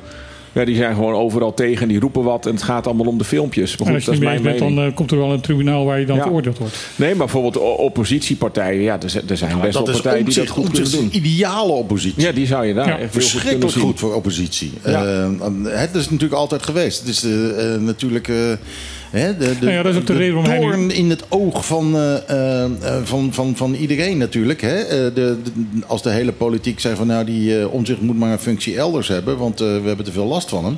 Nou, dat is prima. Dat is wat hij moet doen. Hij moet gewoon inderdaad gewoon lastig zijn. Hij moet niet meeregeren, niet meeregeren. Hij moet, hij moet gewoon kritisch zijn. Ik vind, het ook verstandig van, ik vind het ook verstandig van hem, van als hij ook de grootste partij zou worden, en dus in feite de premier moet leveren als grootste partij, dat hij nu heeft gezegd: nee, ik blijf liever in de Kamer Zou hij ook wel echt moeten doen. Dat zou hij eigenlijk ook Eh, moeten maar doen. ik, denk, hij ik moet denk dat de dat veel beter bij hem past. En Ja. ik snap ook niet zo goed waarom hij daar nog enigszins vaag over is. Hij zegt wel, dat is de grootste voorkeur. Maar ja, dat bepaalt hij toch. Hij, als hij zegt, ik wil dat niet worden, premier, nou, dan wordt hij het niet. Nee, maar hij is vaag over alles. Eh, hij is vaag over alles. En ik snap wel waarom hij daar vaag is in. in is net zo, omdat hij eh, net zo vaag is over wel of niet met de PVV eh, regeren, ja of nee. Terwijl hij eigenlijk zijn standpunten van de PVV absoluut niet deelt. Is hij wil zijn opties openhouden. Er Ja. kan een, een situatie zijn dat het niet anders kan dat hij het premier gaat worden. En, die, eh, en, en misschien is dat niet wenselijk en niet wat, wat hij wil. Maar er is, dingen lopen in de politiek vaak anders dan je wil. En anders dan dan dat weet denkt. hij natuurlijk ook. Hij Dat is natuurlijk ook heel ervaren. Hij weet, hij weet dat als geen ander, want hij heeft natuurlijk een enorme hoeveelheid ervaring. Ja. En weet gewoon van, ik moet me nergens op vastleggen. ja, ja. En, dat ik vind het toch mooi dat, dat, dat hij, eh, dat, dat is echt wel knap, dat hij dan nog zo hoog scoort in die, eh, Ja. in die peilingen. Want ja, hij kan zomaar de grootste worden. Ja, maar dat is allemaal Ja. gewoon nog op dat, eh, op dat hele functie elders verhaal. Over het feit dat Ja. hij eh, Ja. eh, dat die toeslagenschandaal eh, Ja, Net zoals heeft weer- aangezwengeld. En, en vervolgens door de, eh, ja, door de hele politiek een beetje eh buitenspel eh Kijk, gezet ging worden. Ja. En dat dat uitgekomen is. Eh, ik denk dat dat de belangrijkste reden is. Het is gewoon een sympathiestem. Maar of die daadwerkelijk eh, politiek eh, een- iets, iets zinnigs gaat doen, is nog maar de vraag. Ja, dat gaan we zien. Kijk, eh, ik luister ook naar de podcasts van Maarten van Rossum. Die heeft een theorie. Die zegt de Nederlandse politiek wil, of de, de kiezers willen elke zoveel jaar, elke zoveel tijd een nieuwe verlosser, een nieuwe messias. Pim Fortuyn was de eerste. Eh, maar ja, eh, de houdbaarheid van die messiassen die wordt steeds korter. Want we hadden namelijk een half jaar geleden nog een messias, namelijk eh, Caroline van der Plas. Ja, die is nou ook eigenlijk alweer maar onder Ja. de tien zetels in de peiling. Dus ja, de houdbaarheidsdatum. We, hebben, we willen eigenlijk elke maand een nieuwe messias. Ja. Op een gegeven moment, ik heb zo'n gevoel dat over, eh, als de volgende keer de verkiezingen zijn, dat zal gerust niet vier jaar duren. Dat deze messias eh, dan ook weer is uitgewerkt. En dat misschien mensen weer helemaal terug naar het ouderwetse normale saaie willen. Van het, het- het- het- en dat misschien Betrouwbaar, ineens ja. zo'n P van de A GroenLinks super groot gaat worden. En het CDA weer helemaal terugkomt. Het zou zomaar kunnen. Ja, het is nu bijna niet voor te stellen. Ehm, maar dat mensen echt even voor. En misschien is dat ook nog wel de reden waarom de VVD ook nog wel goed scoort. Maar komt, komt dat ook niet omdat de politiek gewoon zelf behoorlijk stuurloos is? Ja, ja. Daar kan ik niks anders op, eh, op zeggen. Zo. En dat is weer gekomen door de ontzuiling in Nederland. Nou goed, als we daarover gaan beginnen, dan haken de luisteraars af. Want dan gaan we te veel terug in de geschiedenis. Ik verwijs naar de podcast van Maarten van Rossum. Nee, maar het is, het is gewoon zo. Ik bedoel, ehm, de, de politiek is, is al jaren in feite dat je gewoon denkt van... ja jongens, wat zijn in feite aan het doen? Ik bedoel, eh, er zijn geen partijen meer. Ik bedoel, eh, Rutte heeft 13 jaar lang gereageerd met, met het eh, dogma... eh, ik heb geen principes, want daar heb je alleen maar last van. Ja, en voor visie ga je naar de opticien. Ja. Eh, Wat is het? You don't need eyes to see, you need vision. Nee. Dus dat is dan toch weer eh, niet de optische. En toch is het ook weer zo. Hè? Iedereen moppert op Rutte, maar hij heeft het toch wel goed gedaan. Want ja, als, je, als hij wel visie had gehad, ja, dan, dan, dan waren er nog heel veel meer kabinetten gevallen. Nou, laten we wel zijn. eh, ik ben absoluut geen fan van Rutte. Ik vind het een ontzettende leugenaar. Maar eh, ja, kijk, kijk je nu om je heen. We hebben natuurlijk. eh, wat, hoe lang hebben we Rutte gehad? 13 jaar. 13 jaar. Eh, als je nu om je heen kijkt. Van, wie van deze, van deze Yahoo's zou je nou als premier willen? Ja. Nou ja, ik denk dat, eh, dat eh, Rutte 13 jaar lang premier is geweest... omdat ze geen opvolger hadden. Nee, nee, precies. Er is geen, er is geen alternatief. Ik, ik, ik zie hier eigenlijk een- alleen, alleen Timmermans, denk ik. Van nou, die zie ik nog wel als premier. Maar die andere. En Dylan? Zie jij Dylan als een premier? Ja. Dylan eh, is een goede opvolger van Rutte, want ze ligt net zo hard. Ze doet precies wat hij doet. Dus dat, ik, denk- ik denk dat, dat, eh, dat ze dat heel goed kan. Want het En ze is overigens ook wel heel slim. Maar ja, Ja. goed, het hele verhaal van wat zij heeft opgehangen... van dat zij met een bootje naar Nederland gekomen is... eh, omdat haar, haar vader daar was. Het is gewoon... eh, ik heb nu gehoord dat dat compleet onzin lijkt te zijn. Oh. Haar vader is Koerd. Mhm. En was gevlucht omdat hij dus in, in Turkije dus, vervolgd werd. En, en als, als mensenactivist, mensenrechtenactivist. En eh, de moeder en, en, en Dylan zelf zijn gewoon met een, met een eh, ticket van, van, de, van de regering met de KLM naar Nederland toegekomen. Als En, ge- in het kader van gezinshereniging. Journalisten onthullen hun bronnen natuurlijk niet. Maar, maar is dit uit een hele betrouwbare bron? En waarom hoor ik dat dan niet terug in het, in, in, het nieuws? Want dit stukje van ik ben met dat bootje gekomen... Nou, eh, dat hoor ik elke dag eh, als ik tv kijk of radio luister. Mhm. En er zijn meer verhalen. Maar er is niemand die heeft gezegd dat klopt niet. Eh, ja, en, en daarom zit ik ook een beetje nog van, van Ja. jongens, is dit waar? Maar dit is een verhaal wat ik eh, op, op diverse keer ben tegengekomen. Ehm, van mensen waarvan ik denk van, hmm, die vertellen meestal toch niet altijd eh, al, allemaal onzin. Ehm, maar ik zie het inderdaad te weinig bevestigd. Maar in ieder Ja. geval, ehm, er zijn ehm, momenten, ik bedoel ook haar, haar tijd bij de SP, daar, daar zijn ook allemaal, bedoel, zij zegt dat het maar heel even geweest is. Er zijn nu weer berichten van dat ze helemaal niet even geweest is. Dat ze zelfs eh, van één afdeling gewoon in het bestuur heeft gezeten. Ja, maar de vraag is wat is even... Ah, daarvoor moet ik zeggen, ik was vroeger ook lid van het CDA. En daar zat ik ook in. Dat durf ik nou ook niet meer te zeggen. Dus die verhalen die zijn Ik ook over mij. zeggen. Ik hoor het je net zeggen. Eh, jongens, ik wil eigenlijk eh, even eh, de politiek even laten voor wat het was. En even wat actueel nieuws gaan Ja. bespreken. Om, en een van de dingen waar ik opeens wel met mijn oren zat te flapperen... is dat het concept Ruimtelijk Ontwikkelingsplan 2023 de prullenbak in is gegaan. Hoe zit dat? Het concept daarvan. Hè? Ja, het concept. Ja. Eigenlijk op de dag dat het eh, oude bestuurscollege viel, kwam er opeens naar buiten toe dat er een nieuw concept was voor het ruimtelijk ontwikkelingsplan 2023. En ehm, dat was iedereen een beetje verbaasd over, want dat dat nog opeens boem zo, ehm, eh, terwijl het eigenlijk al gevallen was, ehm, ja, eh, opeens er doorheen werd geramd. Eh, vandaag is er een, eh, of gisteren is er een per- persbericht uitgebracht van, eh, van Bonaire. Waarbij gezegd wordt dat de, de werkzaamheden aan het ruimtelijk ontwikkelingsplan beëindigd zijn. En dat het nieuwe bestuurscollege in feite van scratch aan opnieuw gaat beginnen om een nieuw ruimtelijk ontwikkelingsplan te gaan on- ontwikkelen. En dat tot dan het huidige ontwikkelingsplan eh, ehm, ehm, blijft, van kracht blijft. Eh, er wordt ook nog gezegd ehm, in, het, in het persbericht van dat, het huidige, dat het huidige eh, ontwikkelingsplan helemaal niet zo slecht is. Alleen het niet gehandhaafd werd. Ja, eh, wat betekent dat een praktisch? Dat nog steeds eh, eh, alle parkeerruimte, of tenminste de helft van de parkeerruimte aan eh, boompjes eh, kwijtgaat eh, op, het plek, eh, plek, op de plek waar de oude gevangenis was? Er staat eh, hier letterlijk in het persbericht... de schijnbare behoefte om de ROP eh, 2023 eh, de- de- komt voort... uit het gebrek aan effectieve uitvoering, toezicht en handhaving binnen het bestaande kader. Ja, oké. Dus, er wordt, eh, dus dat wordt dan allemaal nog even getoetst, eh, getoetst weer. eh. Ja. Dus het, het, het, het, eh, ruimtelijk ontwikkelingsplan eh, Bonaire eh, van 2010 blijft nu van kracht totdat ehm, het nieuwe bestuur. Maar het is wel een van de, de, nou, de, de nieuwe acties die het, het nieuwe bestuur dus nu aan het, aan het doorvoeren is. Ja, dus ze zijn wel kritisch naar wat er gebeurt. Ze zijn wel bezig om, om een beetje tegen paaltjes aan te piezen om te zorgen dat het hun territorium gaat worden. Ja. Eh, ander oh, zeer opmerkelijk eh, bericht wat een beetje ondergesneeuwd is, is eh, de mededeling dat de mandat, mandat, mandatering eh, ehm, van het hele openbaar bestuur ehm, teruggetrokken is en, en ingetrokken is. Wat houdt dat in? Ehm, en je hebt, je hebt ehm, een mandatering is dat, dat ambtenaren het recht krijgen om beslissingen te nemen in naam van het bestuurscollege. Ja. Maar de, de verantwoordelijkheid blijft politiek, maar de, ambtenaren mogen het uitvoeren. Ja. Nou, zij, eh, het nieuwe bestuurscollege heeft dus duidelijk ge- geoordeeld van... eh, er worden nu beslissingen genomen waar wij niet achter staan. In, binnen het ambtelijk apparaat. Dus wat hebben ze nu gedaan? Ze hebben dus alle ehm, eh, mandaten ingetrokken. En de enige die nog mag beslissen dat de dingen worden uitgevoerd... is op dit moment tijdelijk de eilandsecretaris. Ik denk dat dat wel gaat betekenen dat er ook voorlopig wat minder beslissingen dan genomen kunnen worden.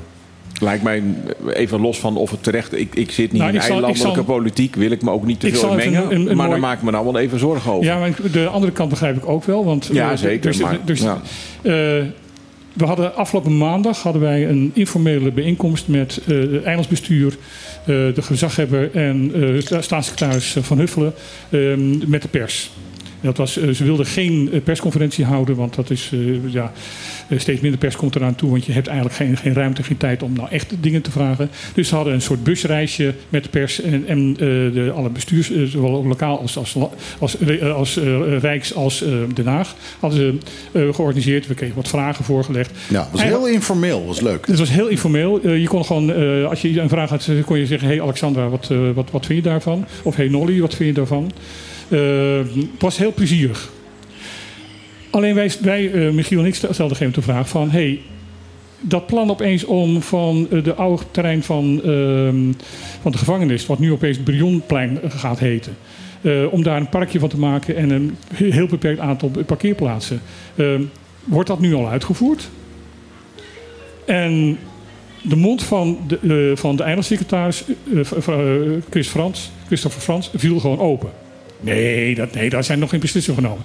Nolly eh, Oliana, de gezaghebber, die begon met zijn vingers zwaaien. Nee, er zijn nog geen beslissingen over genomen. Ik zeg van nou, we rijden stom met de bus er langs, dan kan je zien dat ze bezig zijn. Ik heb het net ook gezien. En dat is dus zo'n beslissing die kennelijk dus genomen is door ambtenaren, waar dus de top van het bestuur gewoon niks van af weet. Hmm. Ja. Nou ja, het kan inderdaad een noodzakelijke stap zijn eh, om, eh, om soms te nemen. Alleen dan moeten we ook weer denken, hoe, hoe gaat het dan verder? Dat als mensen nu dus bouwvergunningen aanvragen, Uiteindelijk moet, is er dan één persoon die ze kan tekenen. En ja, Christ, Christopher Frans is ook gewoon eh, één persoon. En eh, die moet ook eten en slapen.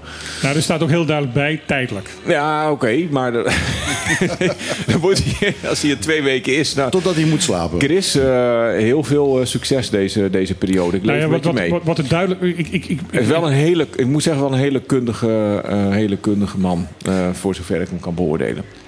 Eh, ik denk dat, eh, dat er eh, absoluut, om het eventjes wat, wat relativerend te zeggen, dat er slechtere zijn.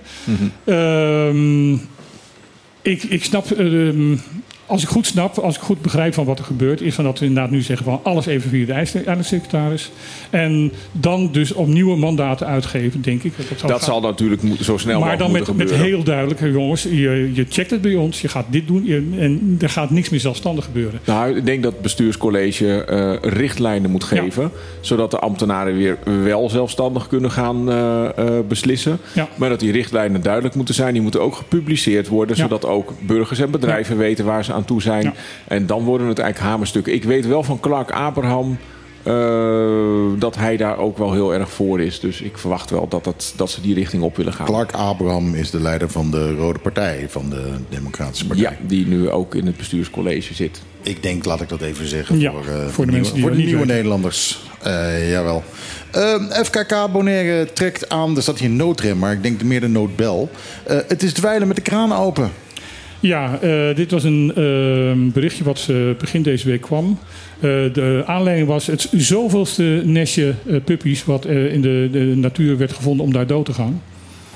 Ehm, de, de hondjes die, die, die daarin lagen, de puppies die erin liggen, waren echt op sterven na dood. lagen naar adem te happen voor de warmte en de, Ja. en de dorst die ze hadden. En toen heeft FKK gezegd van jongens, ehm, dit kan gewoon niet meer. We hebben eigenlijk gewoon de ruimte niet meer. We weten gewoon eigenlijk niet wat we mee aan moeten. Want die, die puppies kunnen we wel opvoeden, we kunnen opvangen. Ze hebben uiteindelijk de moederhond ook trouwens weten te vangen voor dit, eh, te vinden van dit, dit geval. Maar ze zeggen van we worden er wekelijks mee geconfronteerd. Want dieren achterlaten in de natuur is op Bonaire niet strafbaar. Ja, heel bizar is dat. Ja. Ik zie ook nog een mooi puntje hier op jullie lijstje staan. De Ik moet trouwens nog ministerraad- zeggen van Oh, eh, FKK is eh, helemaal geno- eh, gehandicapt op dit moment. Omdat, omdat Pieter, wegens de, een van de twee leiders van... van Peter. de- Peter, sorry. Een van de twee leiders van, van FKK op dit moment wegens gezondheidsproblemen in Nederland zit. Oh, oké. Als Peter zou luisteren, denk ik niet, dan ja, veel sterkte en hopen dat hij snel weer, weer terugkomt. Ja. Ik wou dat puntje aanstippen. Eh, de ministerraad neemt de hindernis weg voor het aanbieden van een eurorekening aan inwoners van Caribisch Nederland. Dit vind ik eigenlijk het allermooiste nieuws van eh, de afgelopen week. Dat betekent dat wij dus straks zonder enige beperking eurorekeningen kunnen openen bij Nederlandse banken. Dat Nederlandse banken ook geen andere regels hoeven toe te passen of extra Hoeven eh, of procedures. mogen? Nou ja, eh, zover heb ik hem nog niet gestudeerd. Het probleem is van dat ze Ja. wel een hogere tarief mogen rekenen. En ik ben al- Nou, maar da- daar is nog een wet voor in de maak. In, de- in de, in de, dat, dat dat ook niet meer mag. Dit is dus niet, we zijn niet klaar, maar dit is wel een hele Ja. goede stap in de goede richting. Wat belangrijk is dat ze zeggen het lokale. Of ja, het lokaal. Nederland heeft twee toezichtregimes bedacht in Nederland. Eentje voor Caribisch Nederland, eentje voor Europees Nederland. En die zijn anders. Daar hebben banken natuurlijk geen zin in uit Europees Nederland. om dan speciaal voor die anderhalve. eh, eh, wat noemen ze dat? Man, Paardenkop. paardenkop. Ik zeg altijd voor die paar ezels hier. en dat bedoel ik mezelf mee. eh, hele speciale richtlijnen te doen. eh, om een systeem aan te passen dat de postcode er niet in past. Ik ben al een maand bezig hè, Ja. bij de ING rekening te openen. Nou ja, ik, dat zal straks misschien ook niet meteen heel makkelijk gaan. Want ik denk dat ze het echt verplicht moeten stellen. Eh, dat het kan. Maar in ieder geval wordt nu gezegd: het, het, het toezichtregime wat Nederland Ja. voor Caribisch Nederland heeft ingevoerd, is niet van toepassing als Caribisch-Nederlandse klanten bij een Europees-Nederlandse bank eh, diensten afnemen. En dat is echt wel heel belangrijk. En dat Eh, betekent dat het voor banken veel simpeler wordt om, ja, om dat ja, te ja, doen. in En ieder dat- geval dat die vreselijke riskafdelingen... waar Ja. duizenden mensen in bunkers zitten... om de hele dag paspoorten te controleren... en lijsten met vragen sturen naar iedereen die hier een rekening heeft... dat die niet meer andere vragen hoeven te stellen... dan dat ze eigenlijk eh, in Europees. Nederland Ja. stellen. Ja. En het is voor bedrijfsleven hier, ehm, ook voor, voor, voor, eh, voor particulier, maar ook Ja. zeker voor bedrijfsleven, ontstellend belangrijk dat ze een eurorekening in Europa kunnen, kunnen krijgen. Ja, ja. Goed, ik ga een plaatje draaien en daarna hebben we gasten. Uh, en dit is een plaatje, het is, een, het is weer een, een rapplaatje. Nederland staat in de Nederlandse top 40. Ik ben nieuw binnengekomen en om die reden vind ik dan dat ik het eigenlijk moet draaien. Maar eh, eh, het is, het is het, eh, ene Kevin. En hij heeft eh S10 heeft hij zover gekregen Ene om, S10, eh, eh, om, om mee te zingen. Maar de, de plaat heet De Leven. En dat zingen ze ook echt. En dat zingen ze ook echt inderdaad. En dan denk ik, ABN motherfucker, do you speak it. Maar luister even voor jezelf.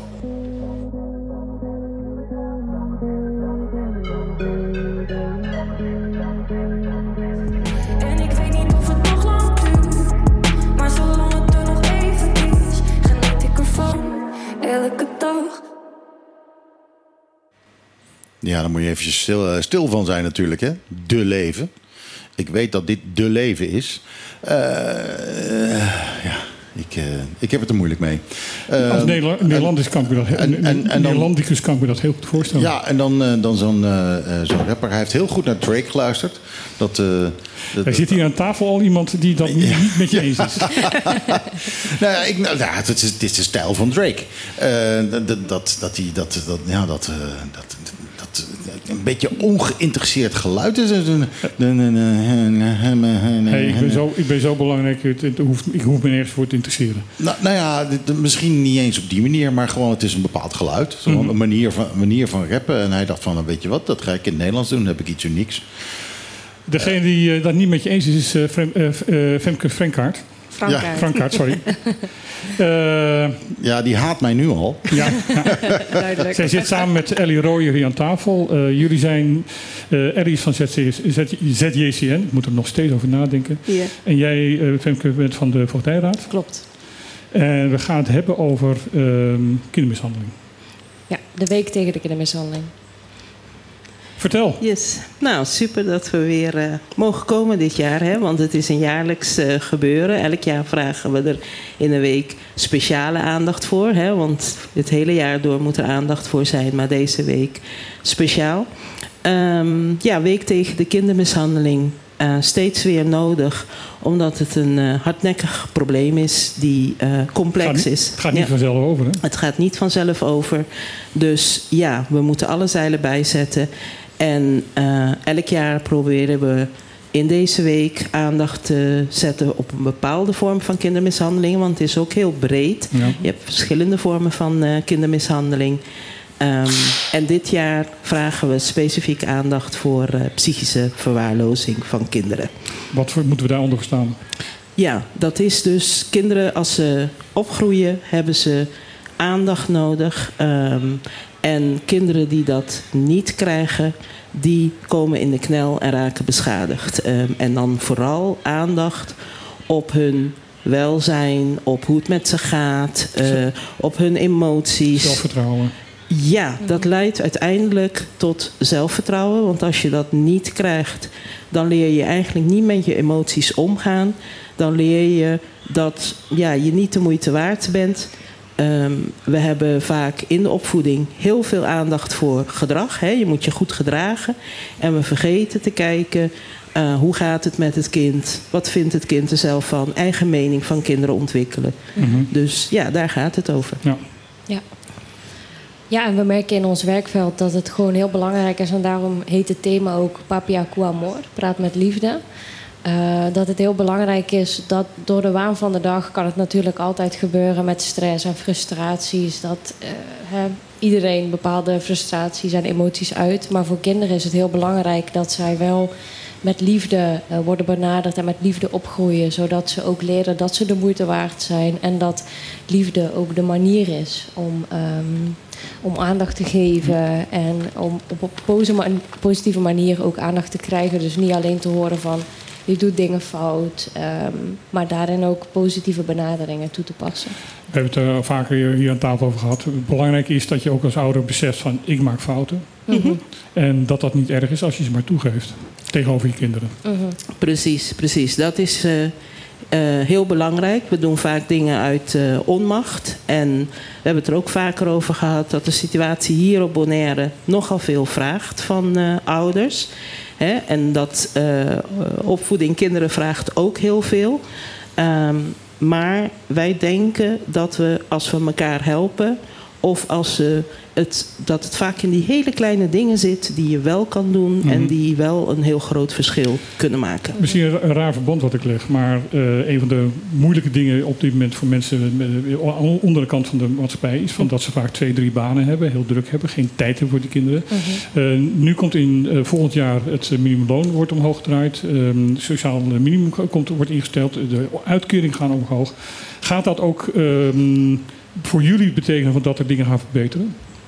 Nou, ehm, het is in ieder geval een eerste stap. Ehm, dus het is sowieso heel erg belangrijk. Want we lopen er heel veel tegenaan dat ouders ook daardoor geen tijd hebben voor kinderen. Dus op het moment dat ouders iets ontlast worden op dat gebied, komt er meer ruimte.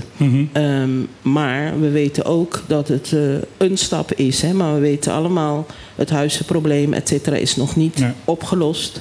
Ehm, dus mensen zitten vaak nog steeds in te kleine huizen met te veel mensen. Drie, drie, vier generaties in één huis. Precies, kinderen ertussen, soms die in de woonkamer moeten slapen, geen ruimte hebben om te spelen.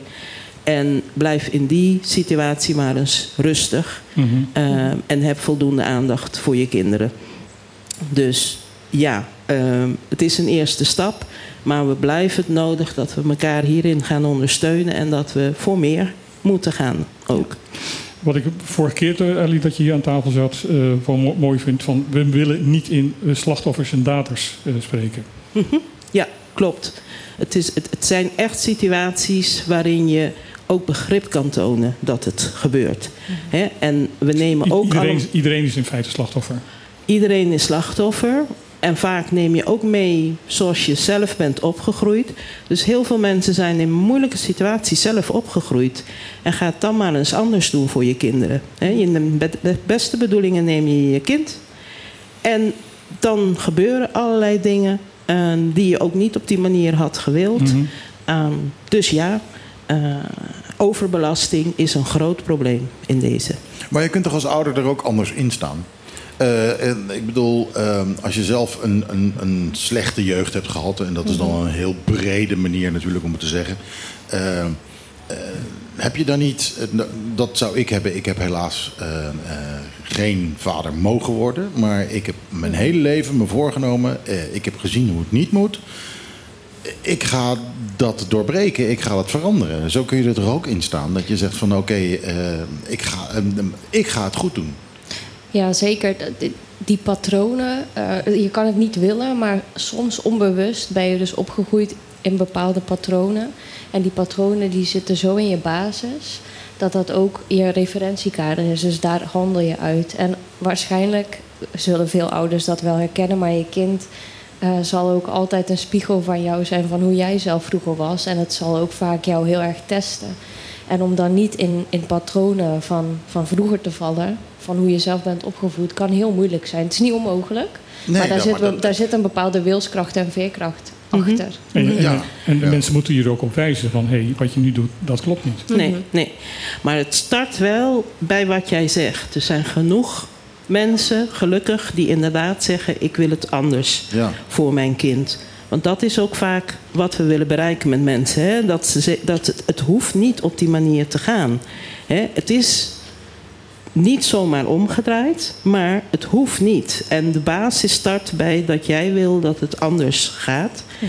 En dan eh, is er best wel veel mogelijk. Want je zegt tegen jezelf, ik wil het niet op die manier doen. Maar dan weet je nog steeds niet goed hoe wel. Want die ervaring heb je niet. Dus Nee, die moet je, echt gaan opdoen. Maar je hebt wel ruimschoots tijd om daarover na te denken, lijkt mij. Als jij, zoals nu, eh, drie banen hebt... en eh, je alleen maar bezig bent om het eten op tafel te krijgen... heb je daar dan tijd voor? Ja, ik, Met misschien wel tijd, maar is je hoofd dan niet vol? Vol. Juist. ja, Hè? ja. En, eh, En of- Ja. Maar dat, maar vind ik, nog ik vind het nog steeds geen excuus om dan, eh, om, om dan eh, of eh, klappen uit te delen. En dat, dat, dat gaat natuurlijk wel naar het ergste toe. Maar eh, ook, eh, nou ja, mijn, mijn eigen vader was iemand die eh, eh, ja, echt psychologisch. eh, oh, het begint te piepen hier. Ehm, psychologisch echt ja, je onder druk kon zetten. Die kon met, met, met, met één, één zin kon die je in de hoek zetten. En eh, nou ja, dan was, dan was je een week lang was je verdrietig. Jij hebt heel veel geluk gehad. Jij bent namelijk gaan studeren. Ja, nou ja. En, daar- en daar heb jij heel geleerd. eh, in dat studeren heb jij geleerd. Eh, in, die, in, de, in Utrecht, in de, in de universiteit, van dat het ook anders kan. Wie is je microfoon in zitten? Ja, ik weet het niet. Ik zit, ik zit ook te kijken, want ik doe verder niks anders, maar opeens gaat er iets piepen. Ja. Maar wat ik ook wel eh, lastig vind is. ehm, elke ouder is natuurlijk nog steeds verantwoordelijk eh, voor, om, nou ja, om, voor zijn eigen kind. Ehm, inderdaad, eh, je kiest niet in welk gezin je geboren bent. Ehm, dus voor de een is dat makkelijker om die te dragen, die ander is het moeilijk. Dus eh, mensen kunnen te dealen hebben met iets waar ze totaal geen schuld eh, aan hebben, omdat ze dat in hun eigen jeugd eh, eh, hebben meegemaakt. Maar dat speelt dus wel een rol bij in welke mate ze hun eigen verantwoordelijkheid kunnen nemen. Want ik vind ook dat nooit iets enig excuus is. Ja, en tegelijkertijd zijn er ook, ik ben geen psycholoog, maar er zijn bepaalde psychologische processen. Hè, dat als je continu in een soort acute stress leeft van heb ik morgen eten op tafel, dan kun je ook niet op lange termijn nadenken. Dan denk je alleen maar heeft mijn kind morgen te eten. En Ja, dat maar- is heel goed voor het kind. Maar als dat het enige is waar je aan denkt, ja, dan komt dat kind dus ook iets tekort. Ja. maar empathie, dat is, dat is toch iets? Ik bedoel, als je, als je uit Ja. je eigen jeugd weet van... wauw, dat heeft mij eh, enorm pijn gedaan. Waar dan, ben je daar altijd van Dan bewust? geef je dat toch niet door? Ik, ja, nou ja, ik, ik heb het gevoel dat ik dat wel ben. Ja, maar- ja, ja. Dat, eh, dat- nou, ik zeg Maar- al, ik, jij hebt geluk gehad. Dat heeft er dus inderdaad mee te maken wat meneer net zegt. Als je in een bepaalde overlevingsstand Je mag gewoon staat. Michiel zeggen hoor. Meneer, eh, meneer dat was mijn vader en die is er niet Wat. Michiel zei over, over als je constant in een overlevingsstand zit, dan is het heel moeilijk om zeg maar buiten de kaders te denken en daarin bijvoorbeeld te denken van oké, nee, morgen eh, na werk ga ik, ehm, als ik een beetje tijd heb, ga ik quality time met mijn kinderen doorbrengen. Nee, je gaat dan misschien juist iets doen ehm, waardoor je eigen stress misschien alleen maar afneemt. Dus je gaat misschien gamen ehm, of, of, hè, of drinken. Ik zeg niet wat het moet zijn, maar iets waar, waarbij de ouder denkt: oké, dan kan ik mijn eigen stress verminderen. Ja. Maar je onbewust wordt daarin soms vergeten van. Het kind heeft echt wel aandacht nodig. En die quality time, dat kunnen hele kleine dingen zijn.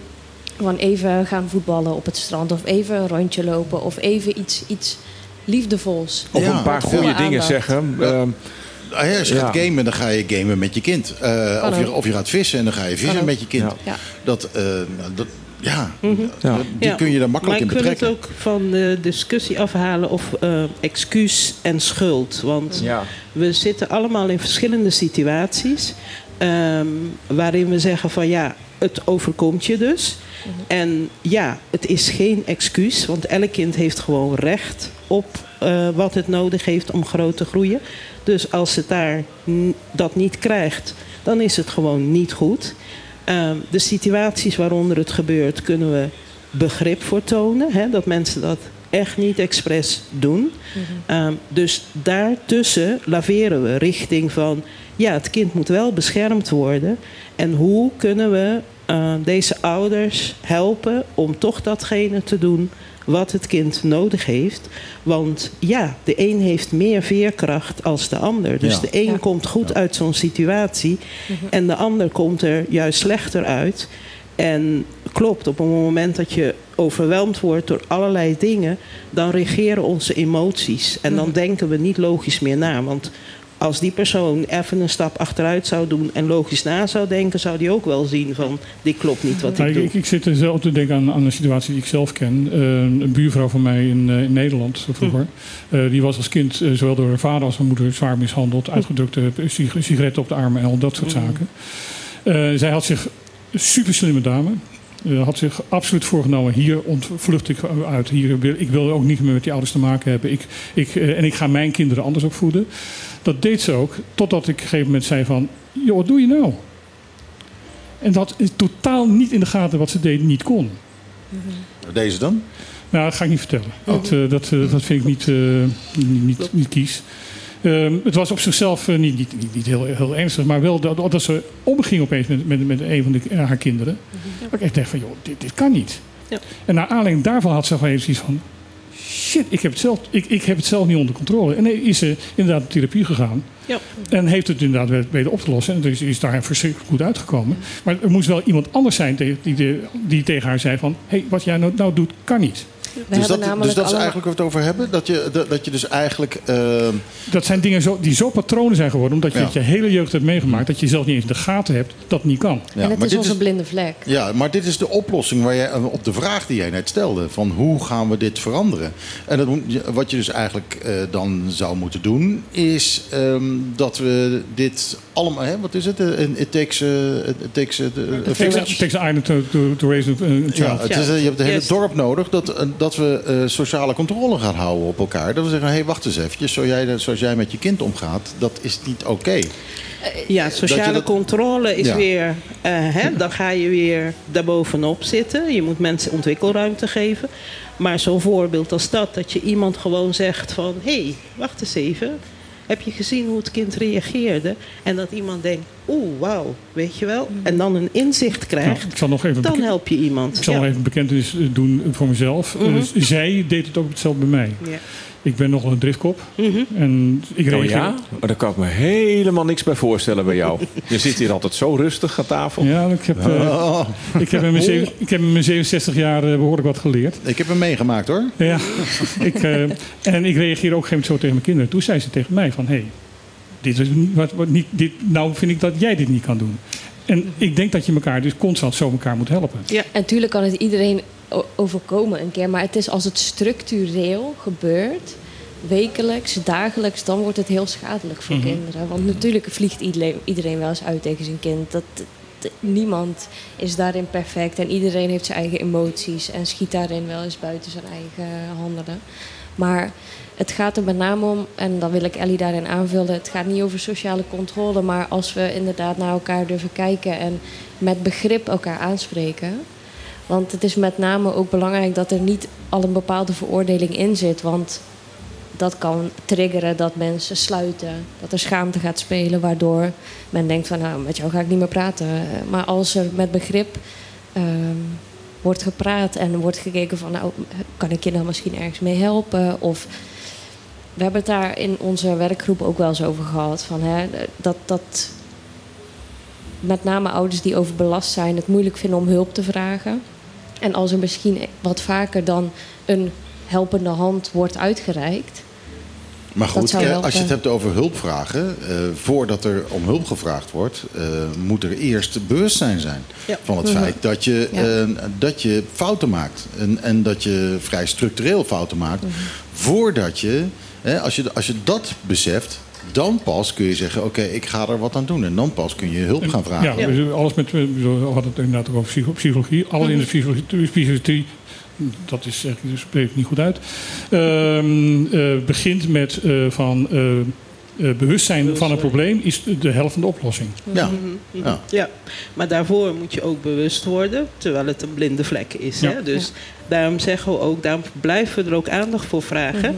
De- omdat het dus zo complex is. Ja. Je hebt een blinde vlek, dus je handelt automatisch, je ziet het zelf niet. Op een gegeven moment moet je daar bewust van worden. Daar heb je al mensen eh, voor nodig in je omgeving die het goedgezind zijn met je. Dat je die bewustwording krijgt en dat je er wat aan kan gaan doen. En dan kom je erachter dat het ook niet zomaar gaat. En dat je daar hulp bij nodig hebt. Ja. Het is een complex probleem waar we elkaar bij nodig hebben. Ja, eh, goed. Gaan we even, doen we even een stap terug. Eh, week van de kindermishandeling. Week Tegen. te- tegen de kindermishandeling. Oh, de bekende fout. nou ja, dat is. eh, hè. Eh, maar ehm, eh, wat is nu eigenlijk de echte speerpunt? Eh, ja, de speerpunt. Van, Het speerpunt. eh, ja, voordat ik eh, ook het, het speerpunt. eh, wat, wat is de speerpunt van deze campagne? Ja, praat met liefde, praat met liefde. Met je kind, met alle kinderen. Ehm, en dat is heel breed. En dit jaar dus eh, heb oog voor je kind. ehm, wat hem bezighoudt. ehm, wat de eigen mening is. eh, hoe hij over dingen denkt.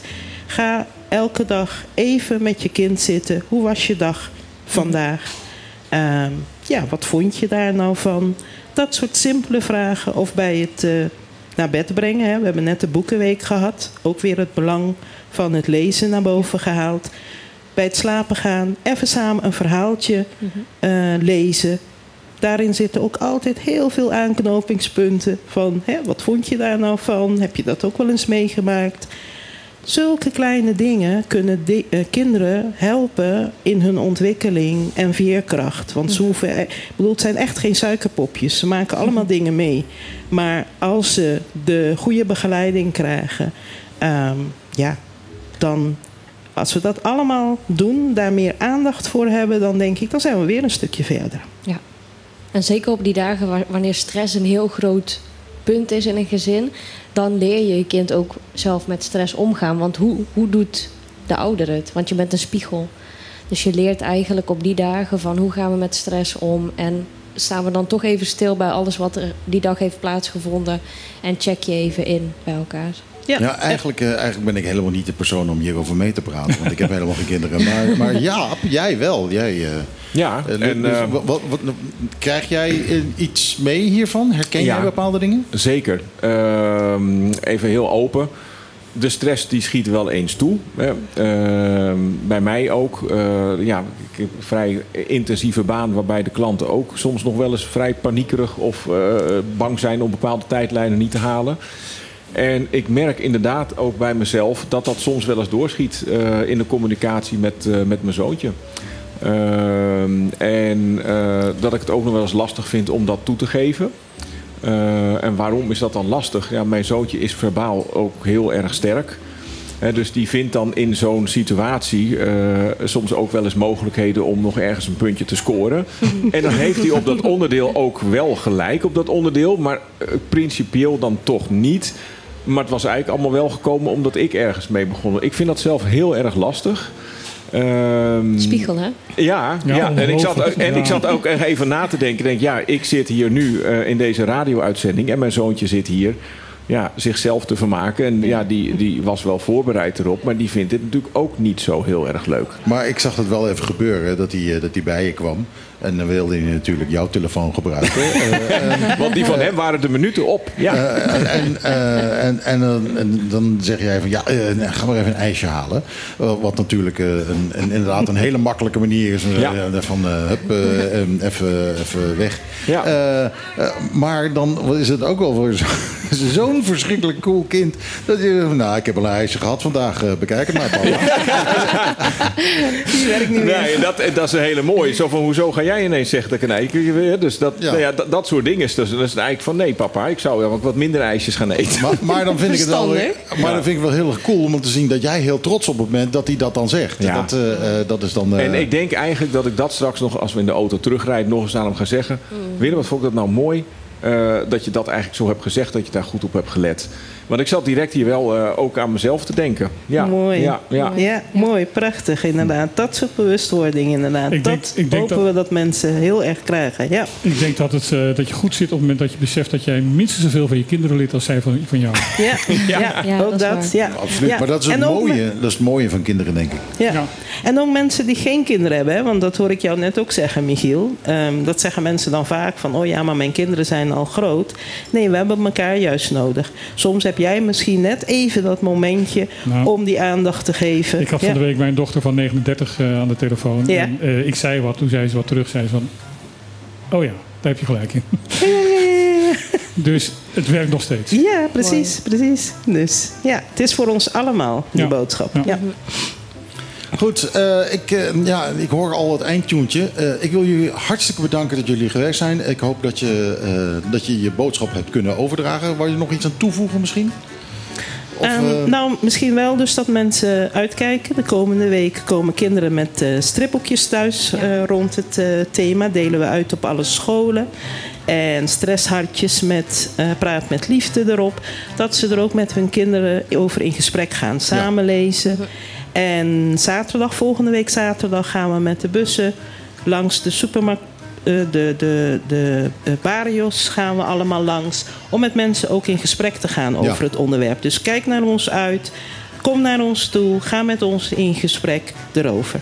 Oké, hartstikke bedankt dat jullie er waren. Graag gedaan. Ehm, dit was op de klippen, want eh, zoals ik al zei, de tune die eh, loopt. Ik heb niet eens alle nieuwe hits kunnen draaien. Ik sla er eentje over, die heet Champions League van Fleming en Boef. Dat, eh, nou, als het over voetbal gaat en het is eh, Fleming en Boef, dat kan nooit wat wezen. Ehm, eh, dus ik draai zometeen Roxy Dekker met Satisfier, wat volgens mij ook niet zo'n denderende plaat is, maar dat geeft niet. Eh, daarvoor zijn we er. Ehm, eh, ja, Jaap, hartstikke bedankt dat je er was ook. Ja, dankjewel. En vooral het voorwerk wat je, wat je gedaan hebt. En 22 november, aanstaande woensdag, Iedereen pak die stemkaarten en ga kiezen. Desnoods blanco, maar een hoge opkomst. En geen volmachten. Goed, ja, nee, dat mag niet meer. Hè? Of, Ja, het eh, mag hoe nog wel. weer? Het mag nog wel, Het maar... eh, het gaat strenger worden. Eh, ja, bij de komende ja. verkiezingen gaat het strenger worden. Het, eh, het gaat, onder andere eh, de straf voor wegens het ronselen van stemmen verhogen van een maand naar een half jaar. Ja. En neem je kind mee naar de stembus en leg uit waarom het belangrijk is. Exact. Ja, maar ze mogen niet mee het hokje in, toch? Nee, dat niet. Nee, dat niet.